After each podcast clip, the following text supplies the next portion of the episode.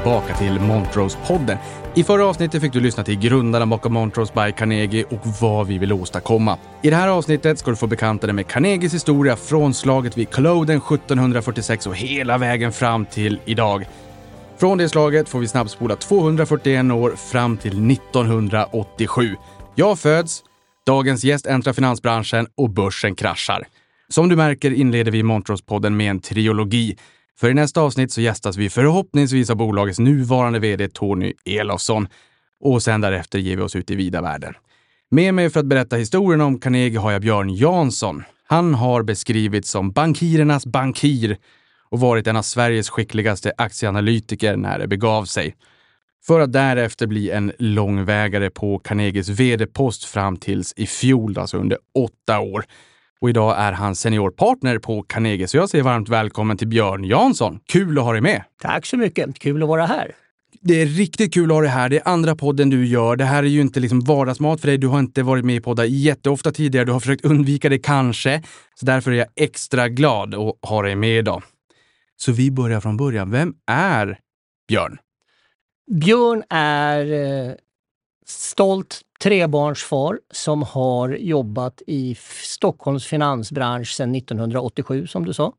Jag har haft tre arbetsgivare. Jag har jobbat på Carnegie då sedan 2009. Jag har varit, innan dess var jag på SE-banken och innan dess var jag på Alfred Berg, en firma som väl kanske inte så många känner till längre, men den fanns och var ganska framgångsrik då.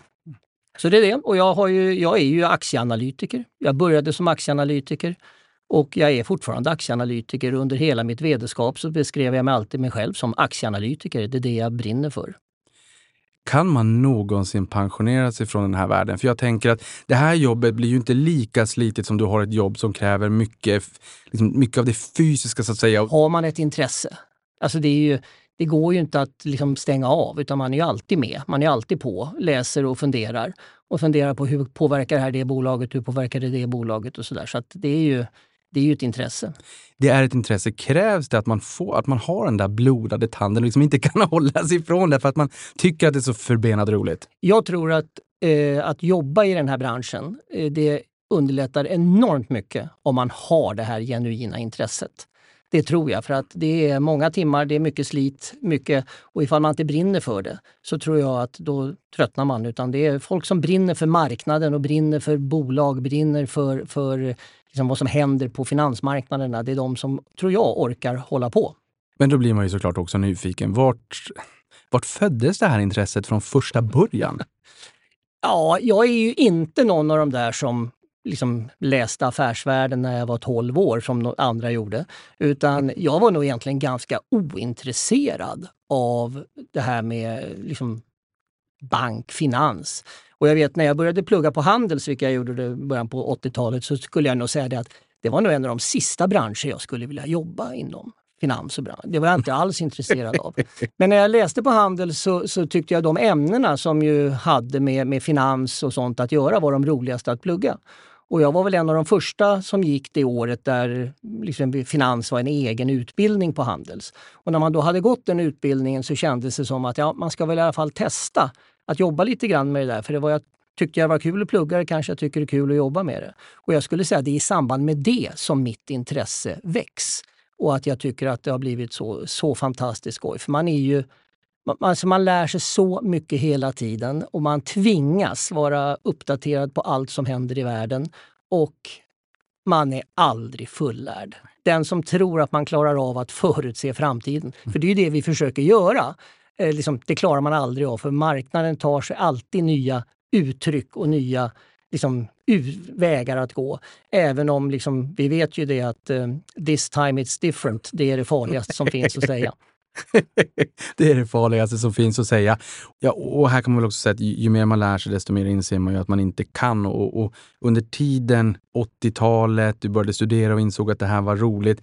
Där eh, myntades ju finansvalp och det var yuppinallar och allt möjligt. Hur, hur var den här tiden innan du kom in i, i branschen? Ibland så romantiserar man ju det här lite grann. Och jag har sett någonting på SVT från Öppet arkiv också, när man intervjuade några ungdomar på handlargolvet. Det såg Eh, men, men jag, är ju något efter, jag, jag kom ju något efter det och jag var ju, var ju analytiker. Analytiker var ju på den tiden, liksom, det var ju bara där man slussades in. Så var man duktig som analytiker fick man göra något annat efter ett år. Mm. Jag är fortfarande analytiker så jag var väl inte så duktig.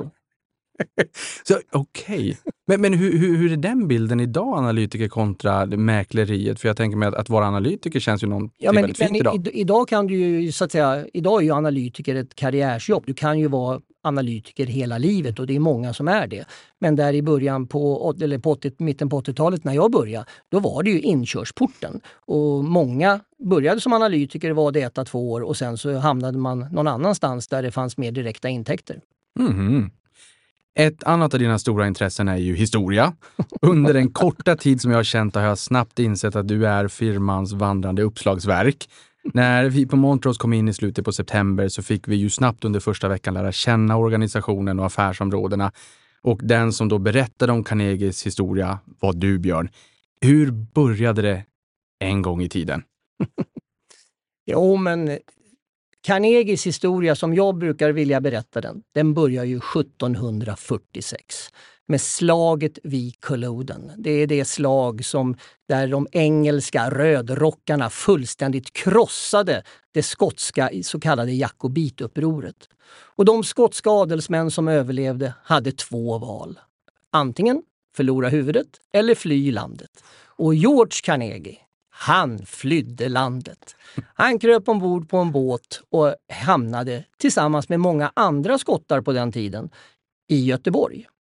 Och skottarna som kom till Göteborg 1745, 46, 47, 48, de var jämfört med svenskarna extremt välutbildade och de kunde språk. Skottarna kunde ju engelska och de kunde ju franska, men det här var ju skotska liksom adelsmän som kom så de var ju ruskigt välutbildade. Och de startade ju handelshus. Det var handelshus som de började bedriva. Och det är på den vägen det är. För det var ju Georges son David Carnegie som då 1803 registrerade firman D. Carnegie Company som var ett handelshus som var väldigt framgångsrikt under då liksom 1800-tal och som är det som är var våra anor kommer ifrån. Ett företag som startades året innan Napoleon kröntes till konung. Eller till kejsare var det han kröntes. Bara så vi sätter lite perspektiv på hur mycket historia vi har i det här företaget. Ja, det är otroligt. Det är mycket historia. Och det här eh, varumärket då, Carnegie, där har vi ju det Carnegie ett fastighetsbolag som jag tror köptes upp av tyska Vonovia och sen har vi Carnegie Porter. Där har vi ett gäng sådana tavlor som hänger runt de här eh, på Carnegie också. Det är ganska många varumärken som har ändå spunnits ur det här handelshuset från 1803 och framåt. V vad hände därifrån och fram till ja, men den, den stora grejen är ju att eh, David Carnegie då som startade detta, vi får kalla honom senior, för han hade, ingen, han hade inga söner så att hans brorson fick komma och ta över firman. Och brorsonen hette också David, så ah. därför har vi en David junior och en David senior. Man är tvungen att välja samma namn. Ibland lite krångligt. ibland lite krångligt. Men David junior, han köpte de här sockerbruken i, Göteborgs, i Göteborg 1836 där det var ett bryggeri och ett sockerbruk. Och det bryggeriet var ju gigantiskt stort på att göra porter och det var en superstor produkt under 1800-talet. Svensken söp ju ganska mycket och porter var någonting som det dracks mycket av. Och det där sålde man ju inte förrän 1919, eller om det var 1920, för 1919 infördes ju motboken. Och det var liksom döden för det, så då sålde man ju det eh, bryggeriet till, eh, ja, i olika vever och till slut så blev det ju Carlsberg som äger varumärket Carnegie Porter. Ja, okay. Och de som är, det finns ju ett mikrobryggeri i, i Hammarby sjöstad som heter Nya Carnegiebryggeriet som ju har på sin logga 1836, för det är ju samma Carnegie som vi är egentligen i grund och botten. Just det, men danskarna fick varumärket, eller fick man fick köpa? Ja, det var ju Prips som hade det och så när Carlsberg köpte Prips så hamnade varumärket där. jag tror att de som lyssnar på det här inser att ja, du, du är ett, ett uppslagsverk. Um, vi var ju nyligen och besökte Centrum för näringslivshistoria och där var det ju, de var ju väldigt måna av att dokumentera Carnegies historia för eftervärlden. Eh, det tog naturligtvis inte många minuter innan de också insåg att du var en aldrig sinande källa till information på det här temat. De blev liksom eld och lågor, vilket var också väldigt roligt att se. Eh, vad, vad tycker du är viktigt att berätta för eftervärlden kring Carnegie? Nej, men det som jag tycker är, är viktigt är att eftervärlden liksom, känner, eller vadå, Vår, den för, starka företagskultur som finns inom Carnegie idag. Det här med att liksom hela tiden sätta kunden först, göra allt man kan för att liksom kunden ska vara nöjd. Och det bygger ju på att vi har helt fantastiska medarbetare som jobbar väldigt bra tillsammans. Det är, liksom, det är väl det som är, tycker jag, vad man vill, vill förmedla, alltså prata om vad är det som är det unika med Carnegie idag. Det är ju liksom per vår personal. Och jag tror att många är ganska nyfikna på det där, för någonstans så finns det ett hemligt skimmer kring Carnegie. Och vi hade en del fördomar också när vi kom in här, alltså, som, som ganska snabbt monterades ner. Av den enkla anledningen att vi fick ett så pass varmt välkomnande till organisationen när vi kom in i slutet på september. Men vi hade fördomar, jag tror att många där ute har fördomar, att det känns lite hemligt och att man inte liksom kan skrapa på ytan av det här Carnegie. Så kan du berätta lite mer kring kulturen? Ja, men lite hemligt. Eh, ja, det, men det, det är ju som så att eh, vi har väl aldrig varit den som har varit mest eh, liksom, och sökt uppmärksamhet och sådana saker. Utan eh, vi har ju liksom försökt eh, liksom serva våra kunder och eftersom vi inte har så där gigantiskt mycket kunder så har det inte behövts vara ute och synas allt för mycket. Eh, så. Nej, men kulturen är ju en, en, en, ett enormt kundfokus. Det är ju ett, ett gäng människor, killar och tjejer som jobbar och trivs bra tillsammans, som fattar att laget är viktigare än jaget. Att vi ser till att vi liksom jobbar tillsammans för att leverera en bra produkt till kund. Så vi brukar ju säga det att det är ju liksom kundfokus, kompetens och engagemang. Det är ju de tre nyckelorden vi jobbar jättemycket med. Där liksom kundfokus, fokus, fokus, fokus på kunden. Det är stenhård konkurrens där ute. Vi måste alltid liksom sätta kunden i fokus och se till att vi gör saker och ting som kunden tycker om. För att tycker, har vi inte kundernas förtroende så, är det, så har vi egentligen ingenting. Så kundernas förtroende är nummer ett. Och sen att vi har personal som är kompetent, har kunskap som kan addera värde till mötet med kunden.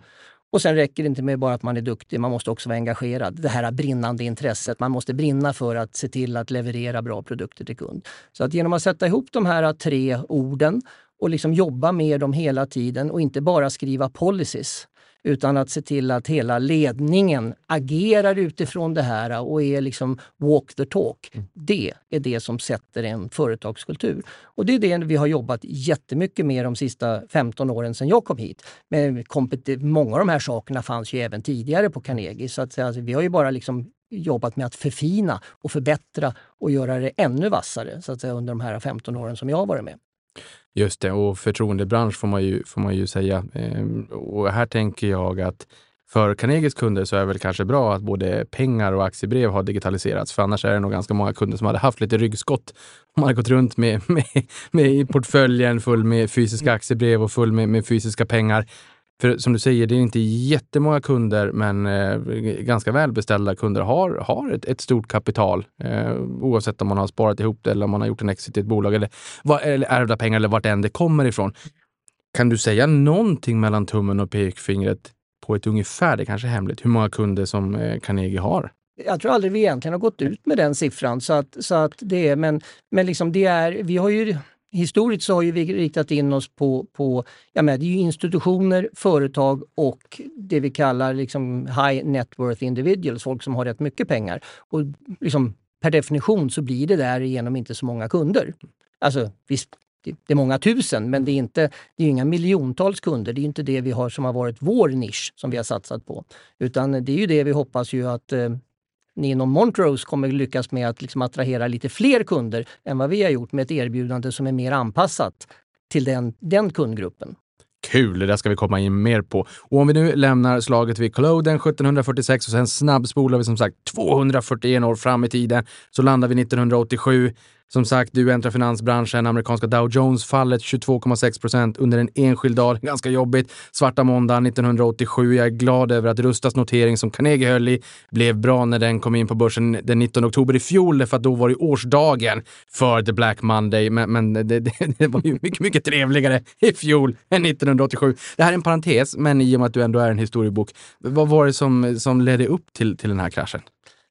Oj, det är ju länge sedan så det, det är ju inte som man minns eh, exakt. Men, men det som ju var unikt det året det var ju att räntorna skenade upp, gick upp väldigt kraftigt. Nu minns jag inte exakt hur många punkter det är som, som, eh, som räntorna stiger samtidigt som börsen gick väldigt bra. Och eh, i alla fall om vi ska prata liksom, fundamenta så brukar ju inte det vara en bra kombination. så, och till slut så blev det för mycket och sen var det ju någon siffra som utlöste det hela. Men jag tycker fortfarande så här i efterhand, det är väldigt svårt att egentligen förklara vad den där äh, stora sättningen, liksom, vad orsaken var. Men det hade gått upp mycket och räntorna hade gått upp också. Till slut så tror jag att man bara insåg att det här håller inte. Och så blev det en korrektion som man ju då trodde skulle leda till en djup recession. För att börsen var, såg man ju som en ledande indikator och ifall börsen förutser det här så kommer det bli jobbigt. Och jag kommer ihåg att vi på den firma jag jobbade på då, vi, vi liksom slashade alla vinstprognoser bara med 20% rakt av för att det här blir, nu blir det ju recession. Ja. Uh, och det blev det ju inte. Den kom ju så småningom, men det tog ju bra många år. Så, att det, så här i efterhand när vi tittar på kursgraferna så ser vi ju knappt börskraschen 87. Även om den var gigantisk när den var där. Nej, men alltså, kom ihåg, liksom 1987, liksom, man hade, hade, det fanns ju ingen teknik. Liksom. Jag kommer ihåg vi hade vi rullade in en stor whiteboard i mäklarrummet och liksom skrev upp hur mycket olika aktier hade fallit så att man hade koll på procenten. För att det fanns ju inte på några skärmar, det fanns inga Excel-ark, det fanns inget sånt utan vi, vi sprang för att se liksom vilken aktie har fallit mest och så kunde man ju se liksom att ifall någon aktie hade fallit 20 procent och någon annan bara hade fallit 5, ja då var det nog dags att sälja den som hade fallit 5. Ja, man, man inser ju snabbt att det har hänt väldigt mycket. Idag är det ju väldigt många som tältar i Excel-kolumner, men, men, men, på den tiden var det väldigt analogt. Vad, hur har eh, karriären sett ut från 1987 eh, då fram till idag? Ta oss igenom den här eh, ganska korta resan, om jag får säga det själv med tanke på att jag är född 87. Då. Eh, ja, den är ju väldigt kort. den tack, är ju tack. väldigt kort.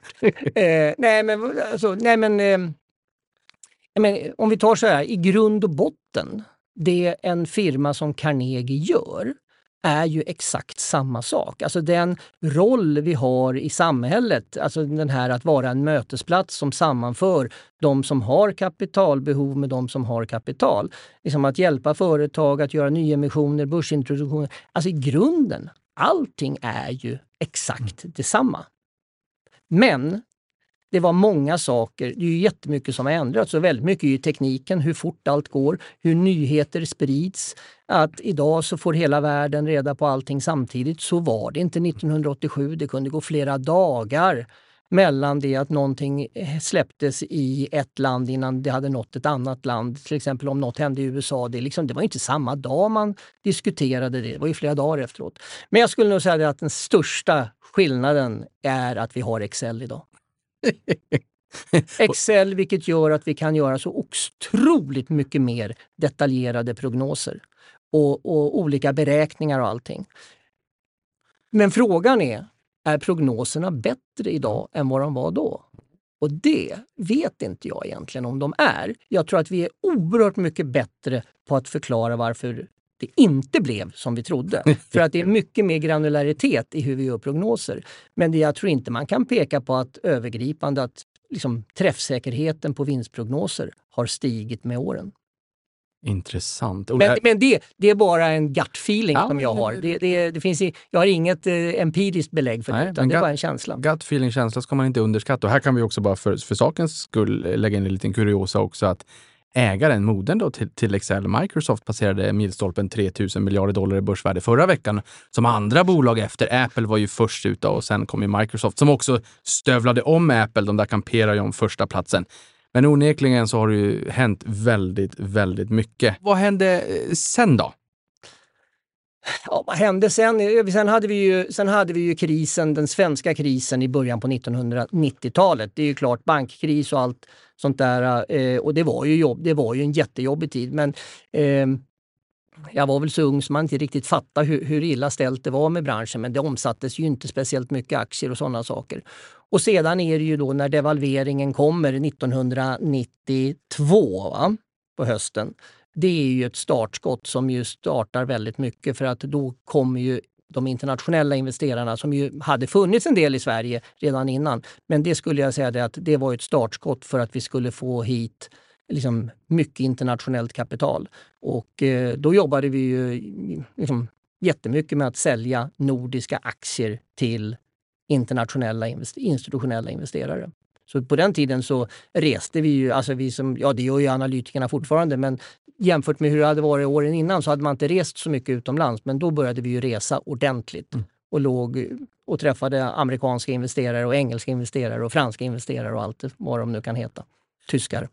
Men, men, var det också mycket jobb där att visa upp Sverige och den svenska marknaden för, för internationella investerare eller hjälpte ni också de svenska institutionerna att investera utomlands? Nej, men de firmor jag har jobbat, ja, vi, man gjorde det, men, men, vi har ju alltid varit väldigt fokuserade på liksom, den nordiska hemmamarknaden. Alla de tre firmor jag nämnt har ju alltid haft Norden som hemmamarknad. Så det har varit nordiska företag som har varit vår specialitet. Och vi har framförallt fokuserat på att hjälpa internationella investerare att liksom komma in i, i Sverige eller svenska investerare att handla i nordiska aktier. Så fr från 1987 då, arbetsgivarna från startskottet och fram till idag har varit? Ja, jag har varit två gånger på SE-banken. Jag har varit enskilda Alfred Berg, enskilda Carnegie. Så är mina fyra anställningar under de senaste 37 åren. och hur, hur har övergångarna varit i samband med att du har bytt arbetsgivare här? har, har, det, har det någon som har varit svårare, skulle du säga? Nej, men det är väl alltid det är väl alltid svårt, det är alltid svårt att, att lämna ett företag man tycker om. Mm. Eh, och jag har aldrig lämnat för att jag inte tycker om någonting utan jag har alltid lämnat för att jag går till någonting. Och eh, det är väl alltid svårt. Jag menar det att eh, att gå till Carnegie 2009, det var väl ingen så här självklarhet. Det var väl många som höjde på ögonbrynen. Det var ju precis, man hade tappat tillståndet och allting. Och liksom, skulle det gå att vända firman? Men, men eh, jag och min kollega, några kollegor tyckte att ja, det där skulle kunna vara lite spännande att se om vi kan, skulle kunna lyckas med. Och vi hade ju varit med tidigare och gjort liksom liknande grejer när vi gick från firmer som hade hög ranking mm. till att eh, liksom hoppa på eh, liksom firmer som vi såg potential i. Så att, eh, men liksom alla, alla gånger man byter jobb så har det varit svårt. skulle jag säga. Men du fick också ett gott råd eller en, en, en vänlig fråga från din bror? Nej, men brorsan har alltid tyckt att jag har varit helt korkad som har lämnat mina fina jobb och gått till någonting annat. Så att det, men så här, sen i efterhand har han nog förstått att eh, de har nog inte varit så tokiga mina val ändå. Men, men, men eh, det, du har ju beskrivits som bankirernas bankir och att alla firmer du har varit på har varit de bästa. Men som du var inne på, det var ju inte de bästa när du kom dit. Snarare kanske tvärtom. Med undantag möjligtvis då för Alfred Berg. Och men här äh, så blev ju Carnegie av med tillståndet. Det var ju ganska rejält rörigt när du kom in till firman 2009 och mer, mer om det strax. Men du har ju faktiskt varit med om och vänt de firmorna du har varit på till toppen igen. Först SEB enskilda och sen Carnegie. Så det här blir man ju nyfiken på. Vad har varit nyckeln till att skapa Sveriges ledande investmentbank upprepade gånger? Eh, att man har rätt kollegor. Det är människorna kort och gott? Det är människorna mm. helt och hållet. Och jag kanske bidrar lite grann på något ställe, men liksom det är absolut inte jag. Utan det är ju liksom ett lagarbete helt och hållet. Och att se till att få med alltså, lyckas rekrytera och, behåll, och behålla, framförallt att behålla rätt personal. personal. För att jag har alltid varit vi har alltid jobbat efter att kontinuitet på personalstyrkan är en extremt viktig faktor. Så att det inte är liksom svängdörrar och att folk byter jobb hela mm. tiden mm. utan att det är liksom samma, samma fotbollslag som mm. spelar mm. så man vet hur det är, eller samma orkester. Ni kan ju tänka er, liksom, även om man har världens bästa musiker på varje instrument ifall de inte spelar samma låt så blir det inget bra. Så att här gäller det ju liksom att få ihop ett lag, få ihop liksom orkestern att spela tillsammans så att folk fattar och kan förstå. När verkstadsanalytikern uttrycker sig på det sättet, då ska skogsanalytikern fatta vad han egentligen menar. För det är inte alltid som det är glasklart. Sådär, liksom. Nej, men det är underbart att höra och det är ju verkligen också anledningen till varför vi på Montrose har, har eh, kommit över i ett team tillsammans här för att vi vill jobba tillsammans. Och magi sker när man jobbar tillsammans med, med rätt människor som, som gör att man blir väldigt engagerad och kör full fart framåt. Så kul att du säger det. Du, och det, och det, det är inte bara det att du säger det, utan det har ju faktiskt också varit så historiskt. För att eh, har man väl anställa dig, eller du, du valt att, att gå över till en annan aktör, så har du liksom kommit i ett paket. Det har ju inte bara varit du, utan det har ju varit du och Henrik Falkenberg. Ni har följt varandra i över 30 års tid och jobbat på inte mindre än tre firmor tillsammans. Och det du sa nyss här också, du har inte jobbat på så många firmor. Du har varit väldigt, väldigt länge på, på de firmorna du har varit på. Det har varit toppranking när, när ni har varit där. Och du som citat stjärnanalytikern och, och Henrik Falkenberg som citat stjärnmäklaren. Då. SvD refererade här till er som enskildas guldgossar 2009. Inte en alltför ovanlig rubriksättning när det kommer att handla om er. Och dessutom så skrev de då att ni hade dragit in över 100 miljoner kronor var under 2000-talet. Och då hade ni inte fått lön för 2008 stod det. Sen var 2008 ett ganska jobbigt år. Men jag måste självklart fråga om du investerade en del av de slantarna du drog in. Men först, vad har Henrik betytt för dig och, och, vad har du uppskattat mest med honom? Är det här frågan som Henrik har bett er ställa? Ja, Henrik han har ju apportemitterat in ett antal frågor till den här podden. Det, det, kan vara möjligt att han har ett litet finger med i spelet här. Han vill, han vill att du ger honom mycket cred nu. Ja, jag förstår det. Det känns så. nej, men, nej, men så här är det. Henrik och jag vi träffades ju 1993 när jag började på Alfredberg och då var han där redan. Och sen så med, ja, efter några år så där så började väl vi då liksom inse att vi, vi kompletterade varandra väldigt, väldigt bra. Så vi är ju, jag tror alla som känner oss vet att vi är ganska olika som personer. Men eh, vi har alltid funkat tycker jag. Nu får ju Henry, han kommer väl här också kan han prata skit om mig. Men jag tycker vi alltid har funkat väldigt, väldigt bra. Vi har ett, eh, en väldigt rak och härlig dialog och eftersom han har sett saker och ting väldigt mycket ur hans mäklarperspektiv och jag har sett utifrån analysperspektivet. Och eftersom vi har fått ihop det här, för det har varit en av de liksom, vad är den viktigaste saken i en sån här firma? Jo, det är ju att liksom, de olika delarna jobbar tillsammans så att det inte är en analysavdelning och en mäklarorganisation utan att det är ett. Och det är väl det som jag tror att är det någonting vi har lyckats med Henrik och jag tillsammans så är det just det. Så att jag tror att eh, jag skulle säga Henrik har varit extremt viktig för mig i min, i min karriär. Och nu förstår jag att du menar det. Varför jag skrattar nu är för nu blir Henrik också väldigt glad såklart. Ja. De här slantarna då? Ni var ju stjärnmäklare och stjärnanalytiker. Ni har dragit in mycket pengar. Ni har, det, var, det var verkligen full fart framåt. Det är fantastiskt intressant att läsa de här artiklarna från när det begav sig. Eh, Men 2009, vet du, de har passerat bäst före-datum va? du är nervös nu? Nej men skämt åsido, men jag, jag tänker att de här pengarna eh, genom åren, det är ju en, en bra slant och då vill jag bara fråga, har du investerat en del av det här eller har du bränt alltihop? Jag har investerat en stor del av de pengarna. Jag tror inte jag har bränt så mycket. Underbart. I början av millennieskiftet som sagt då, så utsågs du ju under flera år i rad till en av Sveriges skickligaste aktieanalytiker och omskrevs ofta som, som jag sa, det här då, stjärnanalytikern. Ibland delade du första platsen och ibland ruvade du på den själv. Här blir jag ju väldigt nyfiken på vad är hemligheten? Hur blir man en bra analytiker?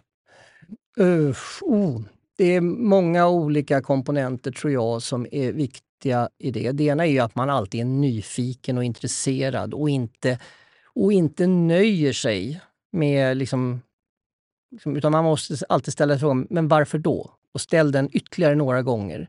När någon säger hur funkar det och man inte riktigt fattar, våga ställ frågan. Förklara igen, förklara igen. Jag fattar inte. Våga säga det. Det är ju så att säga så att man är liksom, så man går till botten med saker och ting. Det tror jag är en sak som är väldigt viktig. Sen självklart att, liksom, att eh, ha kallar det analytisk förmåga och omsätta massa kunskap till liksom, vad tror jag händer i framtiden. Sen tror jag också att det är väldigt viktigt att kunna kommunicera så att mottagaren förstår vad man menar. Alltså det är ju, kommunikation handlar inte bara om att sända. Det handlar om att säkerställa att mottagaren förstår vad det är. Och, eh, så jag tror vi har, vi har lagt mycket tid genom årens lopp på att liksom, hur ska man kommunicera så att liksom, man förstår. Och framförallt i ett, eh, kallar ett analysdrivet mäkleri där du har analytiker som ska berätta för någon annan, mäklaren, som sen ska prata med sin kund. Hur säkerställer man att det blir rätt kommunikation hela vägen? Ungefär viskleken. Du vet att man börjar i ena änden och så kommer man tillbaka så vet man inte var det var. Det är viktigt att se till att den kunskap som analytikerna sitter på når hela vägen ut. Och därför är det viktigt att man kan kommunicera på ett sätt så att det är lätt att ta till sig, så att man kan vidareförmedla kunskapen så att det inte blir förvrängt under, under resans gång. Så kommunikation tycker jag har varit en viktig del och, och jag skulle tro att det är en, en faktor till varför Eh, det har funnits en del investerare som tycker det är kul att prata med mig. Vilka är då dina bästa tips till de som kanske vill bli analytiker eller som vill bli betydligt vassare investerare? För jag tänker att dels måste man kanske följa vad media skriver, vad bolagen säger, vad de säger på konfkåls och vilka frågor man kan ställa, vad branschorganisationer skickar ut för typ av statistik som kanske påverkar bolagen. Um, och, och, mycket däremellan. Så det, det är så mycket information. vad, vad är brus och mm. vad är signal? Hur gör man? Ja, men oj, det, det, finns ju inte en, en väg till frälsning här. Det finns ju så många olika varianter och allt beror ju på vilken typ av investerare man är. Är man en som tycker det är kul att köpa och sälja hela tiden eller är du mer en som köper och äger? Det blir ju lite olika synliga. Men om du köper och äger, då är det viktiga ju liksom vad, hur utvecklas bolaget på tio års sikt. Medan om du köper på, tycker om att handla varje dag, så är det ju snarare liksom, går aktien upp eller ner närmsta ja. timmarna som är viktigt och det är helt olika saker. För då är det ju mycket mera, kalla det flöden, tekniska saker och sådana saker som kan vara med och påverka medan om du funderar i tioårstermer så är det ju egentligen, det är två saker som driver värdering. Det är lönsamhet och tillväxt. Mm. Så har du, är du ett lönsamt bolag och du, väx, och du har tillväxt, ja då stig, kommer ju aktien gå bra om du tänk, orkar tänka i tioårstermer. Mm. Och eh, skulle du säga att för den som lyssnar på det här då, som också har möjlighet kanske att leta lite mindre bolag mm. med, med, lägre market cap. Nu har ju faktiskt Carnegie också förvärvat Penser som har många av sina kunder som är lite mindre bolag. Mm. Där tänker jag mig att om, om man hittar bolag som kan bjuda på lite marginalexpansion och som kan bjuda på en, en trevlig vinsttillväxt, fin topline naturligtvis. Mm. Mm. Och sen också få multipelexpansionen, att institutionellt kapital börjar leta sig in för att börja växa till sig. Det, det känns ju som en, en, en riktig mumma. Ja, så. Men, men du har ju i botten, i grund och botten så hade du, du har ju vinsttillväxten. Mm. Alltså att vinster växer. Jag tror ju att det är vinsttillväxt över lång tid ja. som är det som är den viktigaste faktorn. Och eh, jag vet ibland när man eh, när folk frågar så här, okay, vilken värderingsmodell ska man använda när man värderar aktier? Och då brukar jag säga det, jag tror aldrig det är någon som har haft fel i en aktie för att man använder fel värderingsmodell. Det man har fel på, det är att vinstutvecklingen inte blir det man trodde. Ifall, ifall vinsterna blir bra mycket sämre än vad man trodde, ja då går aktien ner. Mm. Och ifall vinsterna blir bra mycket bättre än vad man trodde, då går aktien upp. Mm. Det är inte svårare än så. Någonting som man ofta pratar om det är ju ägare av kött och blod. Både kanske att vd följer pilotskolan och har skin in the game själv, mm. men också att man har en, en, stark huvudägare. Och vi har haft lite stök med fastighetsbolagen. SBB och Ilja Batljan eh, är en sån där det slog ganska mycket fel. Du kommer inte behöva kommentera det. Men, men där liksom slog åt andra hållet. Men hur viktigt tycker du att det är med en stark huvudägare. Ägare av Kött och blod och Pilotskolan. För det pratas ju mycket om det här i, bland privata investerare, men, men, men håller du med om det? Mm, jo, men jag tror att det är bra att det finns en, eh, en tydlig ägare som är med och sätter agendan. Så att, eh, och framförallt är det väl viktigt då att det finns en eh, att det tillsätts en bra styrelse liksom, och att styrelsen är med och eh, liksom, kan vara med och utveckla bolaget. Så att jag tror att ägaren har ju väldigt mycket att se till att det blir rätt styrelse. För att det är ju någonting vi funderar ganska lite på när vi pratar aktier. Det är hur fungerar samarbetet mellan verkställande direktören och styrelsens ordförande? För det är ju ett väldigt intressant samspel. Om det inte lirar mm. så tror inte jag att det blir ett bra företag. Utan det måste ju finnas ett bra samspel. Men det är ju aldrig någon som egentligen vågar prata om det. Och det kommer inte jag göra heller. Jag vågar inte heller prata om det. Men, men inte överrock? Men det är, nej, utan det, det, det, är att det är ett bra bollplank så att de stöttar varandra. Så att det, för det, återigen, så, som VD är man ju ganska ensam. Och, och, och därför så tror jag det är superviktigt att, man, att samspelet mellan ordförande och VD det tror jag är jätteviktigt för ett företags utveckling. Men privata investerare då, finns det en, en vinning i att också försöka sätta sig in i hur hur ledningen ser ut och kanske hur styrelsen också ser ut, vad de har gjort tidigare. Ja, det, ja, det kan det vara. Det kan det vara. Och det, ja, men den enkla är, kan man ju också liksom säga, titta hur mycket aktier äger olika styrelseledamöter. Mm. Jag tycker ju, jag tycker ju att sitter man i en styrelse så bör man ju äga aktier. Och hör sen. Så Nej, är det sa inte jag. Det, sa inte jag. Men, det, jag sa inte och hör sen. Men, men, det sa jag. Jag, jag tycker det. Jag, jag, tycker att det är... Jag tycker att, det hör till? Det, jag, någonstans hör det till. För att, liksom, att man ska ha samma intresse som aktieägarna. Att aktien ska stiga. Ja, och där ska du inte behöva kommentera det heller, men jag tror att hela styrelsen tillsammans ägde aktier i SAS för 500 000. De kanske inte heller trodde på vändningen innan det begav sig. Med de orden, vi har ju förvärvat Erik Penser och själva lanserat Commission Research, alltså då uppdragsanalys på Carnegie också. Där får in Penser, lite mindre bolag, e- Carnegies egen commission research med bolag som inte har den täckningen idag, men som, som vill ha det. Så att helt plötsligt får man hela spannet från lite mindre bolag till ganska stora bolag, men som inte har analytikertäckningen. Det här har ju också gjort att den vanliga investeraren faktiskt har fått access till analys på ett helt annat sätt än vad man har eh, haft möjlighet till tidigare. Och nu pratar jag inte bara om Carnegie utan branschen i stort när uppdragsanalysen har växt fram. För annars har det ju varit analyserna över de största bolagen har ju varit förunnat institutionellt kapital ofta och inte oss privatinvesterare. Men nu när den möjligheten finns, hur konsumerar man en analys? Vad är viktigt att ta till sig där för att konsumera den på rätt sätt skulle du säga? Eh, nej men jag tror som alltid när man läser någonting så måste man ju vara kritisk. Man måste vara källkritisk, måste ju tänk, tänk, liksom, tänka själv. För att det här är ju, det man försöker göra är att förutse framtiden. Och det är svårt. Det är svårt ja. att förutse framtiden. Och ibland så, blir det ju, så, så, finns ju de som kan insinuera att man liksom inte har gjort sitt bästa. Men det skulle jag säga att jag tror att alla som jobbar med det här, de har en enorm så här, professionell stolthet i att jag gör mitt yttersta. Jag gör så, så mycket jag kan och så bra jag bara har möjlighet att försöka förutse framtiden. Men ibland blir det fel. Och det måste man ju vara med på. Så därför så, jag tillhör ju dem okej, okay, jag är proffs på det här men, men det är inte som så att jag, jag bara tar en analys och läser och säger åh, så här är det. Ja. Utan kritiskt tänkande, ungefär som man, när man läser en, vilken artikel som helst i, i tidningen, mm. så måste man ju tänka lite själv. Så det tycker jag är det man ska fundera på. Liksom, vad, förstår jag argumenten och köper jag in i dem? Och förstår man inte vad de argumenterar för, då ska man nog inte köpa heller. Men om du kärar ner dig i ett bolag, och i och för sig så kanske kära ner sig är fel ord, för då har du kommit en bit i förälskelsefasen. Men om du ser ett bolag och blir lite smått nyfiken, vad är nästa steg då? Eh, eh, jag brukar läsa eh, eh, vd-ordet i årsredovisningen. Och väldigt trevligt om man, om man ser och att det lyser igenom att vdn faktiskt har skrivit vd-ordet mm. själv. Mm. Mm. Men det, det, är det, det, är det, första, mm. det är det första jag tittar på. Sen tittar jag alltid på hur styrelsen ser ut. Och sen tittar jag på hur ledningsgruppen ser ut och ser vilka som sitter där och varför. Liksom så. Och men så här, det, det, är, det är det första jag tittar på. Och för att se liksom, ja, vilka är det? Är det, är det folk är det de, någon jag känner? Är det någon jag har lite förtroende för? Är det någon som har gjort en bra resa tidigare någon annanstans? Är det någon som så? Så man vet vilket vilka personerna är. För jag tror ju väldigt mycket att det är personer. På samma sätt som jag säger att Carnegie är de anställda. Det är ju också de företagen vi investerar i. Det är ju liksom vilka personer som är där.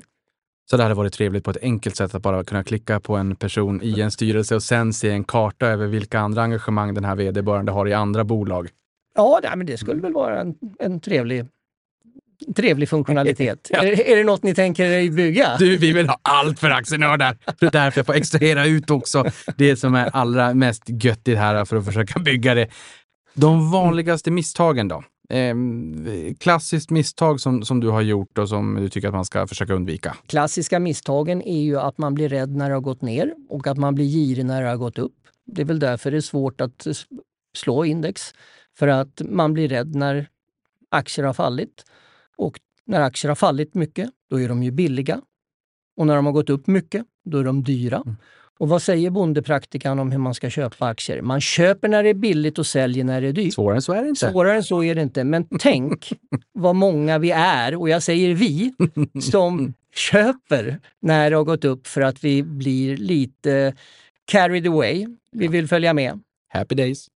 Och sen blir vi rädda när det har gått ner. Och det är egentligen precis tvärtom. Man borde våga agera. Köp när det har gått ner och är billigt och sälj när det har gått upp. Det är så uppfriskande också att höra ett proffs i branschen säga det. För det, det, är, som du säger, det är inte svårare än att köpa efter rejäl nedgång och kanske lätta lite grann efter uppgång om man nu vill det. Men det är, vi är inte mer människor. Vi är inte strängt kalkylerande, nyttomaximerande, vandrande miniräknare.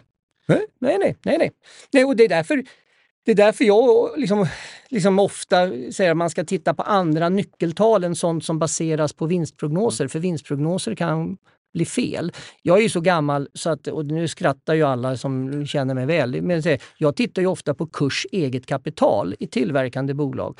För att de, har ju, de följer ju ofta vissa mönster. Alltså det är, om man tar ut sådana grafer på lång sikt så kommer ni se att nästan alla bolag handlas i, sam, i ett range. Det må vara mellan två och tre gånger eller mellan tre och fyra gånger. Och, så. och då kan man ju konstatera det att när bolagen är nere på liksom lägre price book value än vad de någonsin har varit historiskt, då är antagligen aktien ganska billig. Eller man kan i alla fall säga det att då är förväntningarna på framtiden väldigt lågt ställda. Och när förväntningarna är lågt ställda, då är det lätt att de ska överraska positivt och vice versa. På tal om SEB när ni var där, jag vet inte riktigt vart den bottnade, men kan det ha varit en eh, 0,4 gånger bok när det var som jobbigast under finanskrisen och en, en, en varm korv? Eh, ja, alltså nu, det är ju två Jag har ju varit på SE-banken både då 1992 93 när det var kris och även då 2008 2009. Så jag ser en röd tråd. Så att det finns ju en röd tråd. Liksom. Jag, och, och sen jag slutade har de inte haft någon kris. Nej, men skämt åsido. Nej, men, ja, men så, ja, men det är ju det. Men, och, och, det är klart att det som är, varför blir det så billigt? Jo, för det finns ju en risk att mm. bolaget måste göra nyemission och då får man ju titta på det. Men det, det är ju ett sätt att se, liksom, är aktien faktiskt billig eller dyr i ett historiskt perspektiv. För att vinstprognoser, de kan vara fel. Var så säker. Jag har gjort så mycket vinstprognoser som har varit så fel. För att någonting händer i omvärlden och liksom, det blir inte som man trodde och då blir vinstprognosen fel. Och det skulle jag säga, det är huvudanledningen till varför man får fel i en aktie. Det är att vinstprognosen blev fel. Ja, och sen på tal om det också, vilken catch-up-effekt, en liten parentes, men det har varit från 18 februari 2015 när Sverige först ut i världen fick negativ ränta och fram till 2021 när vi såg en 70% uppgång för både SEB och Nordea, över 70% Det var ju en, en ökenvandring där en av fyra storbanker gav en positiv totalavkastning mm. under den här perioden och nu har det varit eh, oka av eh, sen dess när vi har fått lite mer av en normalisering. Mm. Ja, ja. Men någonting annat som jag blir lite nyfiken på, det är ju det här med att vi inte är mer än människor. Får Björn ont i magen ibland? För du om någon, om vi jämför med snittinvesteraren där ute, har ju koll på fundamenta i, i betydligt större utsträckning. Sen kanske man aldrig har koll på allt. Men får du ont i magen när det bränner till? Ja. Alltså man lever ju med det här så att det är klart att liksom, det, det bränner till. Visst blir man orolig. Eh, och liksom undrar vad, vart är vi på väg? Liksom, lite på spåret, vart är vi på väg? Vad är det som håller på att hända? Så är det. Men, men sen gäller det ju att, liksom, att, att orka se igenom och fundera på när. När, liksom, när blir det överdrivet? Och våga gå emot liksom de här, liksom, och de här riktigt stora feta köptillfällena. Det är inte så många gånger de inträffar under, på en tioårsperiod. Liksom. Men att då liksom inse att nu är det nog dags att nu är det nog dags att våga vara lite mm. contrarian och våga köpa när alla är livrädda. Och livrädda var vi ju under coronakraschen. Från 20 februari så började det gå ner. Börsen OMXS30 tappade 33,81 procent på 18 handelsdagar. Vi hade ju inte riktigt varit med om det här på global skala tidigare. Vi visste ju ingenting om vad det skulle leda till. Men det var en ganska dramatisk nedgång. Det var en dramatisk nedgång men, och det var också en dramatisk händelse. Den, den var ju otäck, eller ja, den var ju väldigt otäck för att av ma massa olika skäl, men just att vi hade kunde inte veta någonting. Utifrån aktiemarknadens perspektiv, så titt, när någonting inträffar så tittar vi ofta har vi några liknande händelser och vad hände då? Mm. Och här fanns det ju ingen liknande händelse i modern tid så, som man kunde titta på. Hur gjorde man en vinstprognos?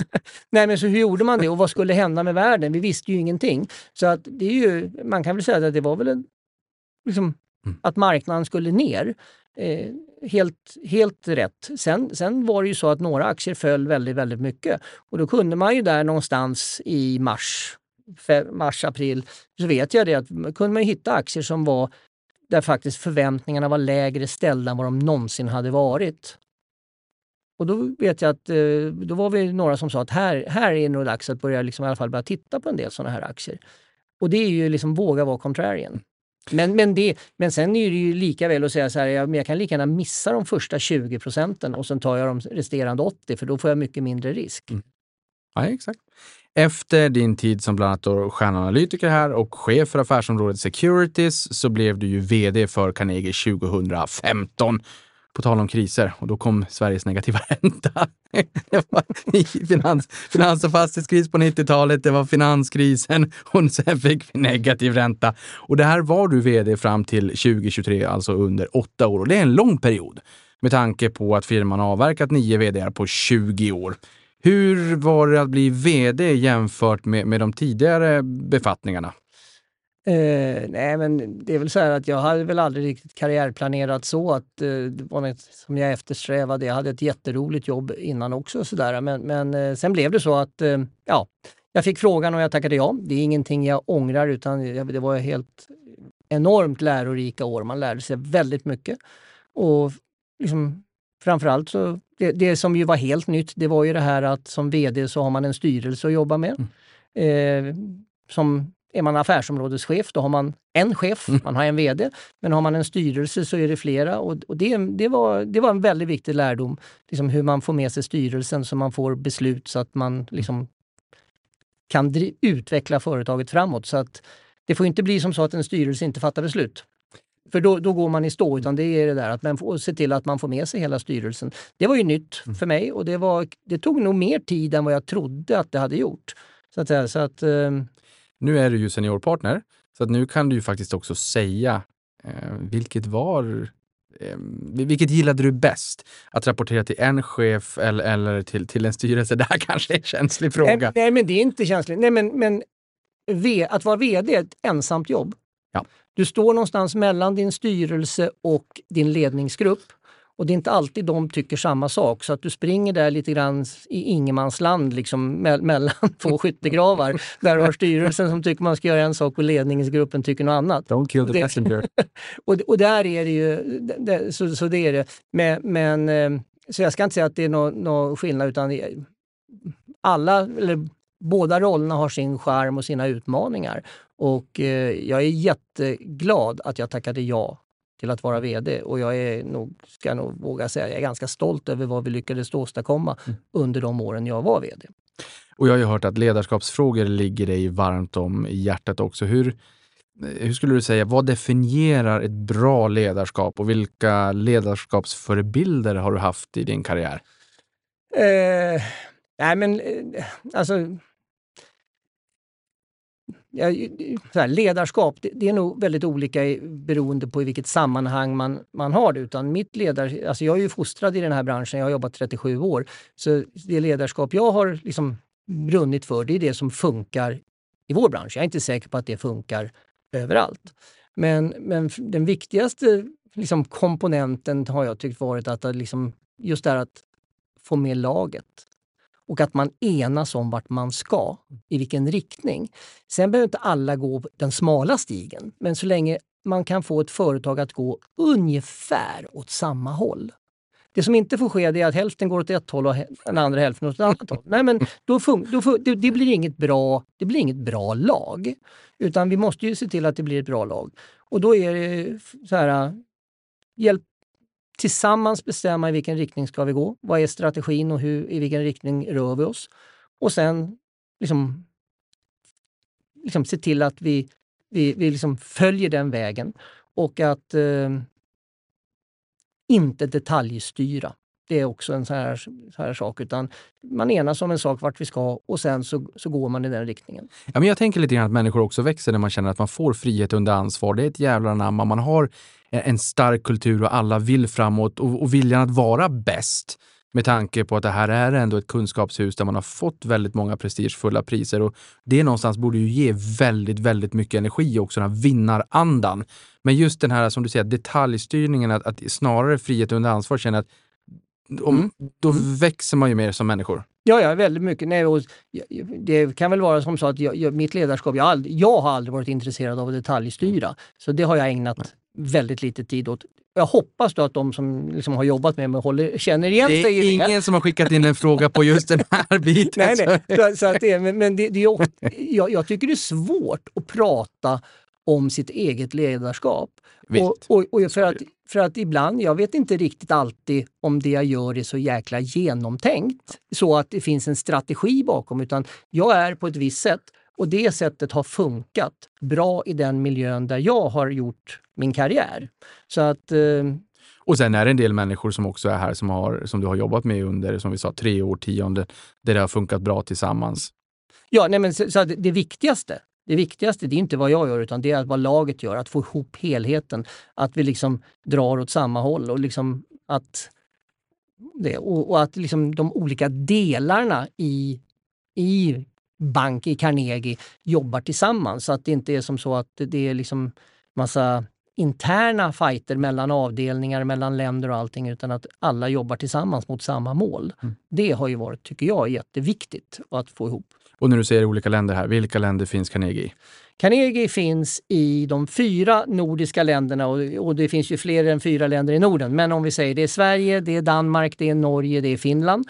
Och sen har vi ett eh, säljkontor i London och ett säljkontor i eh, New York. Och när jag säger säljkontor, det är alltså mäklarkontor där vi mäklar nordiska aktier till internationella kunder. Så de flesta liksom, U, alltså USA, Kanada, den delen av världen sköter vårt New York-kontor och, vår, och Europa och, och UK sköts kan vi säga från vårt Englandskontor.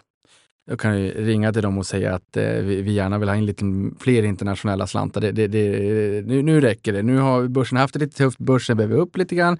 Kronan har ju ändå, även om den är starkt, så är den fortfarande lite svag sådär. Och då får eh, Wallenbergarna och Investor lite konkurrens om, eh, om ägarlistan ute på Stockholmsbörsen. Nu får utlänningarna komma tillbaka. Och det, det är en sån sak, tänker jag, som man kanske då gör i, i New York, att ni blir ju ett fönster in till Stockholmsbörsen för jänkarna exempelvis?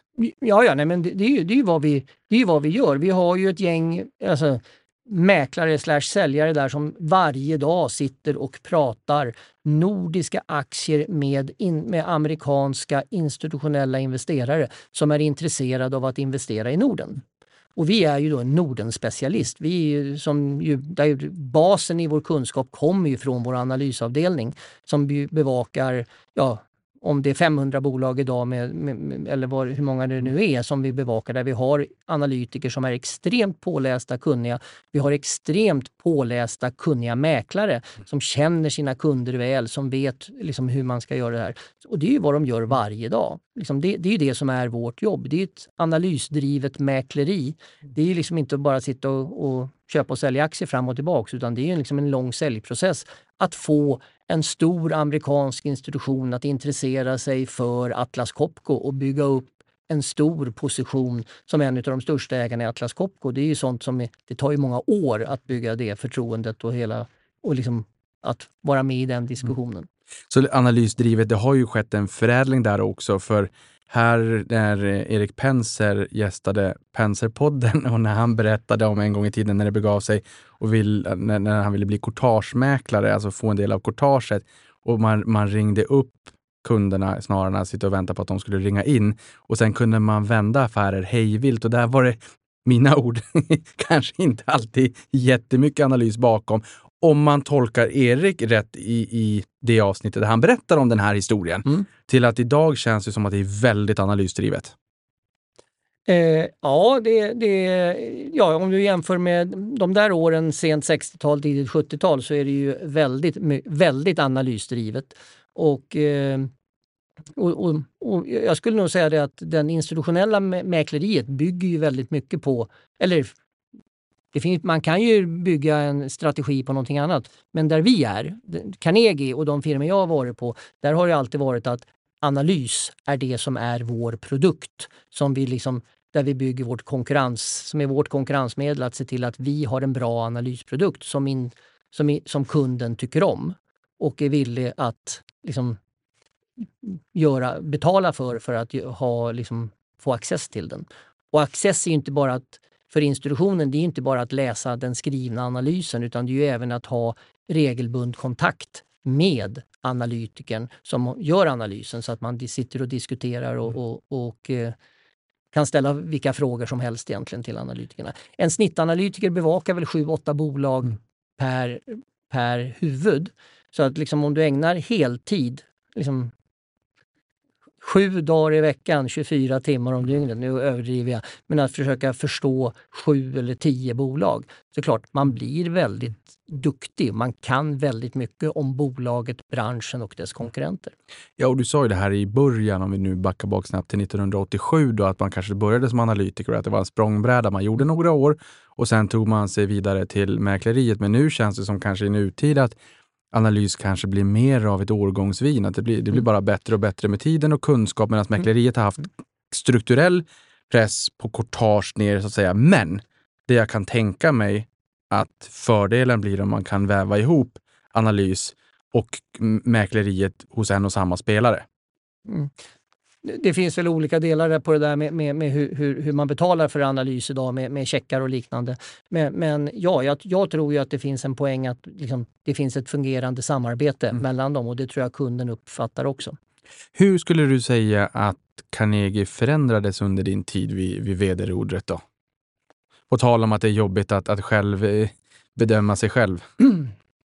Nej, men det, det jag tror att vi kan väl säga, det är väl att eh, Eh, vi fortsatte att fokusera, vi fortsatte att investera i liksom vår kärnverksamhet. Vi har ju alltid varit väldigt trogen vår kärnverksamhet.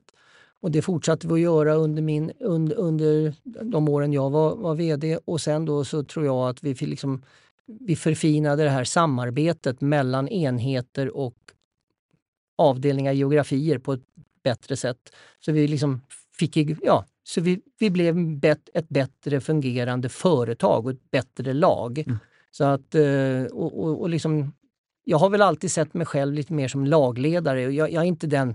Alltså, jag vet du säger kallar dig stjärnanalytiker och jag vet att rubriken har varit så, men jag, nog, liksom, jag är inte den som är stjärnan. Utan mitt, det jag har lyckats med, tror jag själv, tillsammans med Henrik väldigt mycket, det är just det här att skapa ett, ett lag som funkar. Mm.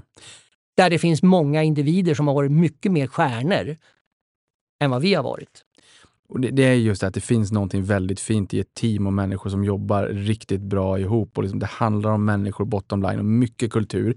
Tycker du att det är jobbigt när, när man, du vet hur rubriksättning, du vet hur rubriksättning är och man vill finna den dramaturgiska sötman i rubriksättning och så här. Men tycker du att det är jobbigt med, med, med när tidningarna lyfter upp stjärnanalytiker och, och, och, och stjärnmäklare med, med, med Falken? Menar, ni var ju duktiga, även fast jag tycker att det är fint av det också att lyfta upp teamet. Man är inte ensam starkast ja. liksom.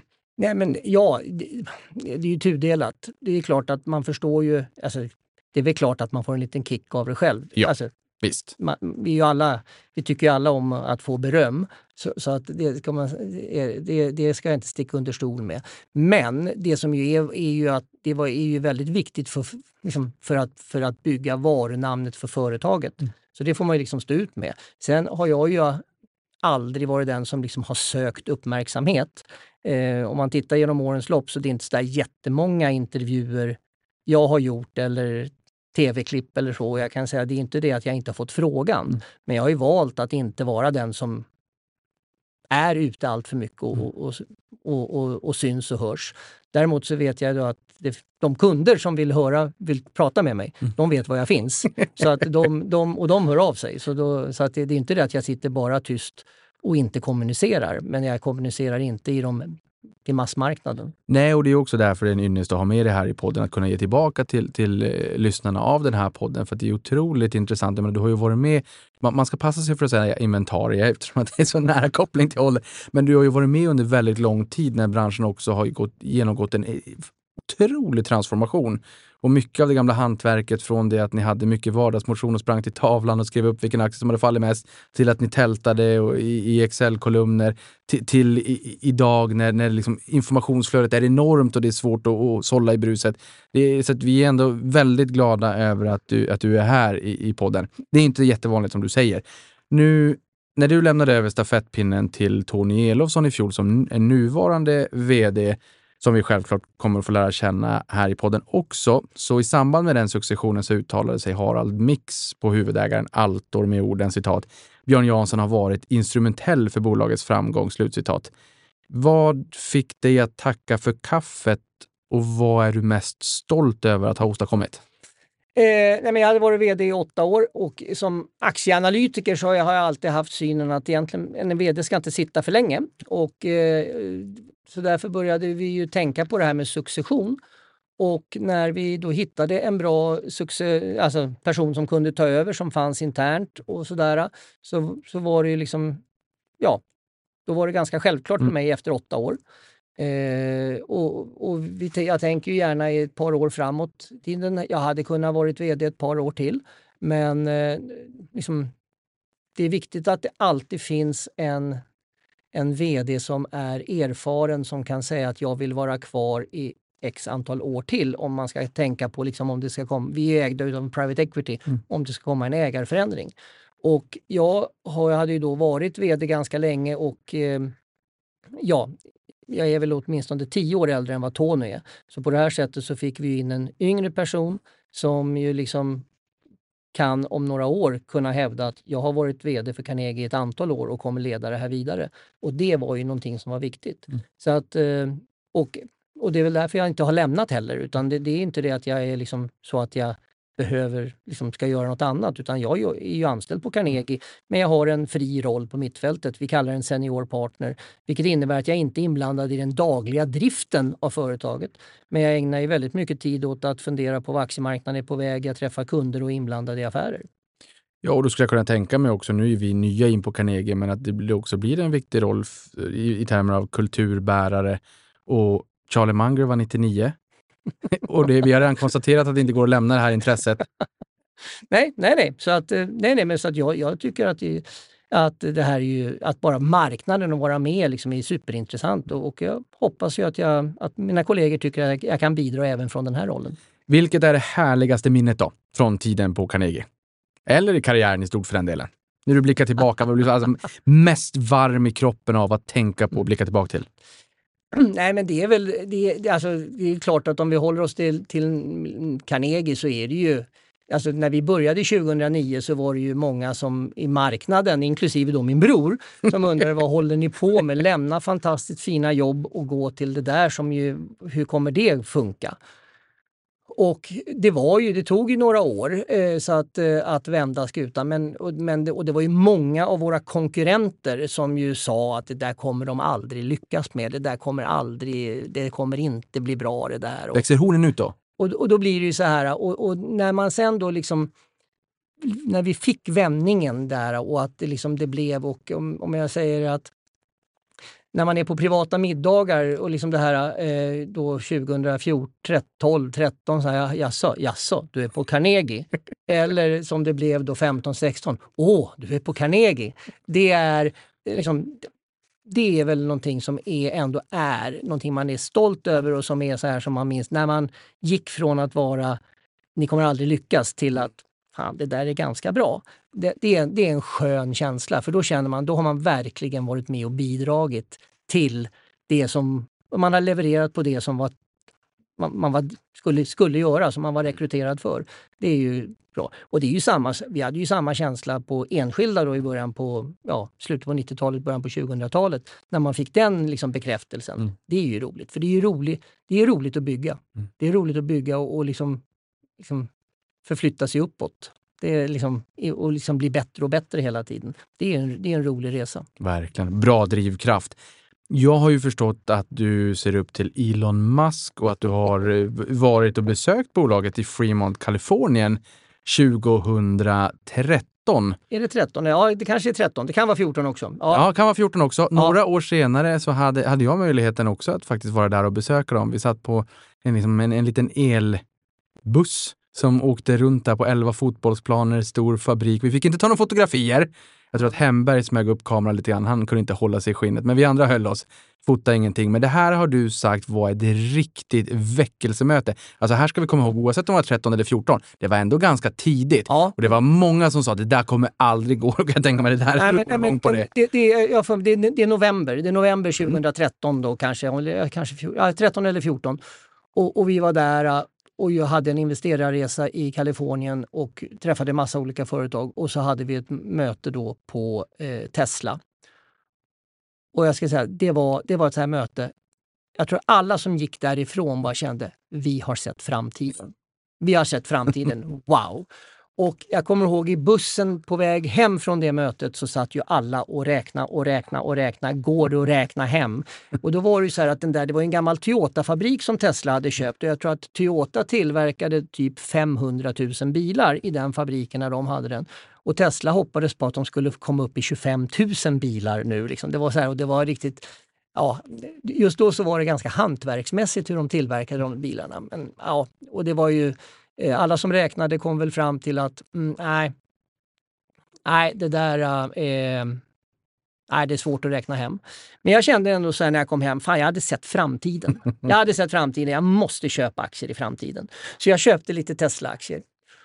Och aktien gick ju som ett spårljus. Vet du? Och dagen innan sportlovet då, året efter, då, säg 2014, så kände jag, alltså här köpte jag en aktie, jag som analytiker, jag har inte räknat, jag har inte gjort någonting, jag köpte bara, jag sköt från höften Jolo. och köpte. Och bara köpte. Och så har den gått upp supermycket. Nej, äh, men nu tar jag hem vinsten så blir sportlovsveckan väldigt billig för familjen. Klassiker. Och det blev den. Mm. Men jag tror att aktien kanske är upp 30 gånger sedan dess. Så det var en av de dyraste sportloven jag någonsin har firat. Men, men det, var, det, var, det, var, det var kul. men det, var, det var ett väckelsemöte skulle jag säga. Ja, och där blir man ju också intresserad. För, så här, vad, vad är det som gör att alla ringklockor, alla köpklockor går av och, och, det du känner att jag har sett framtiden. Finns det någon form av röd tråd eller karaktäristika för ett, något annat bolag i framtiden säg, som skulle kunna få de klockorna att ringa? Ja, ja men, men så här, det var ju det att det var så, enk det var så enkelt beskrivet. Mm. Det var så liksom, alltså, man bara kunde ta det till sig, liksom, hur batteriet ligger i bottenplattan som sänker tyngdpunkten på bilen något otroligt så att du får en helt annan väghållning. Alltså sådana här små... Och så, så här, när man bara satt och tänkte, ja det är liksom intuitivt, jag fattar precis vad de menar.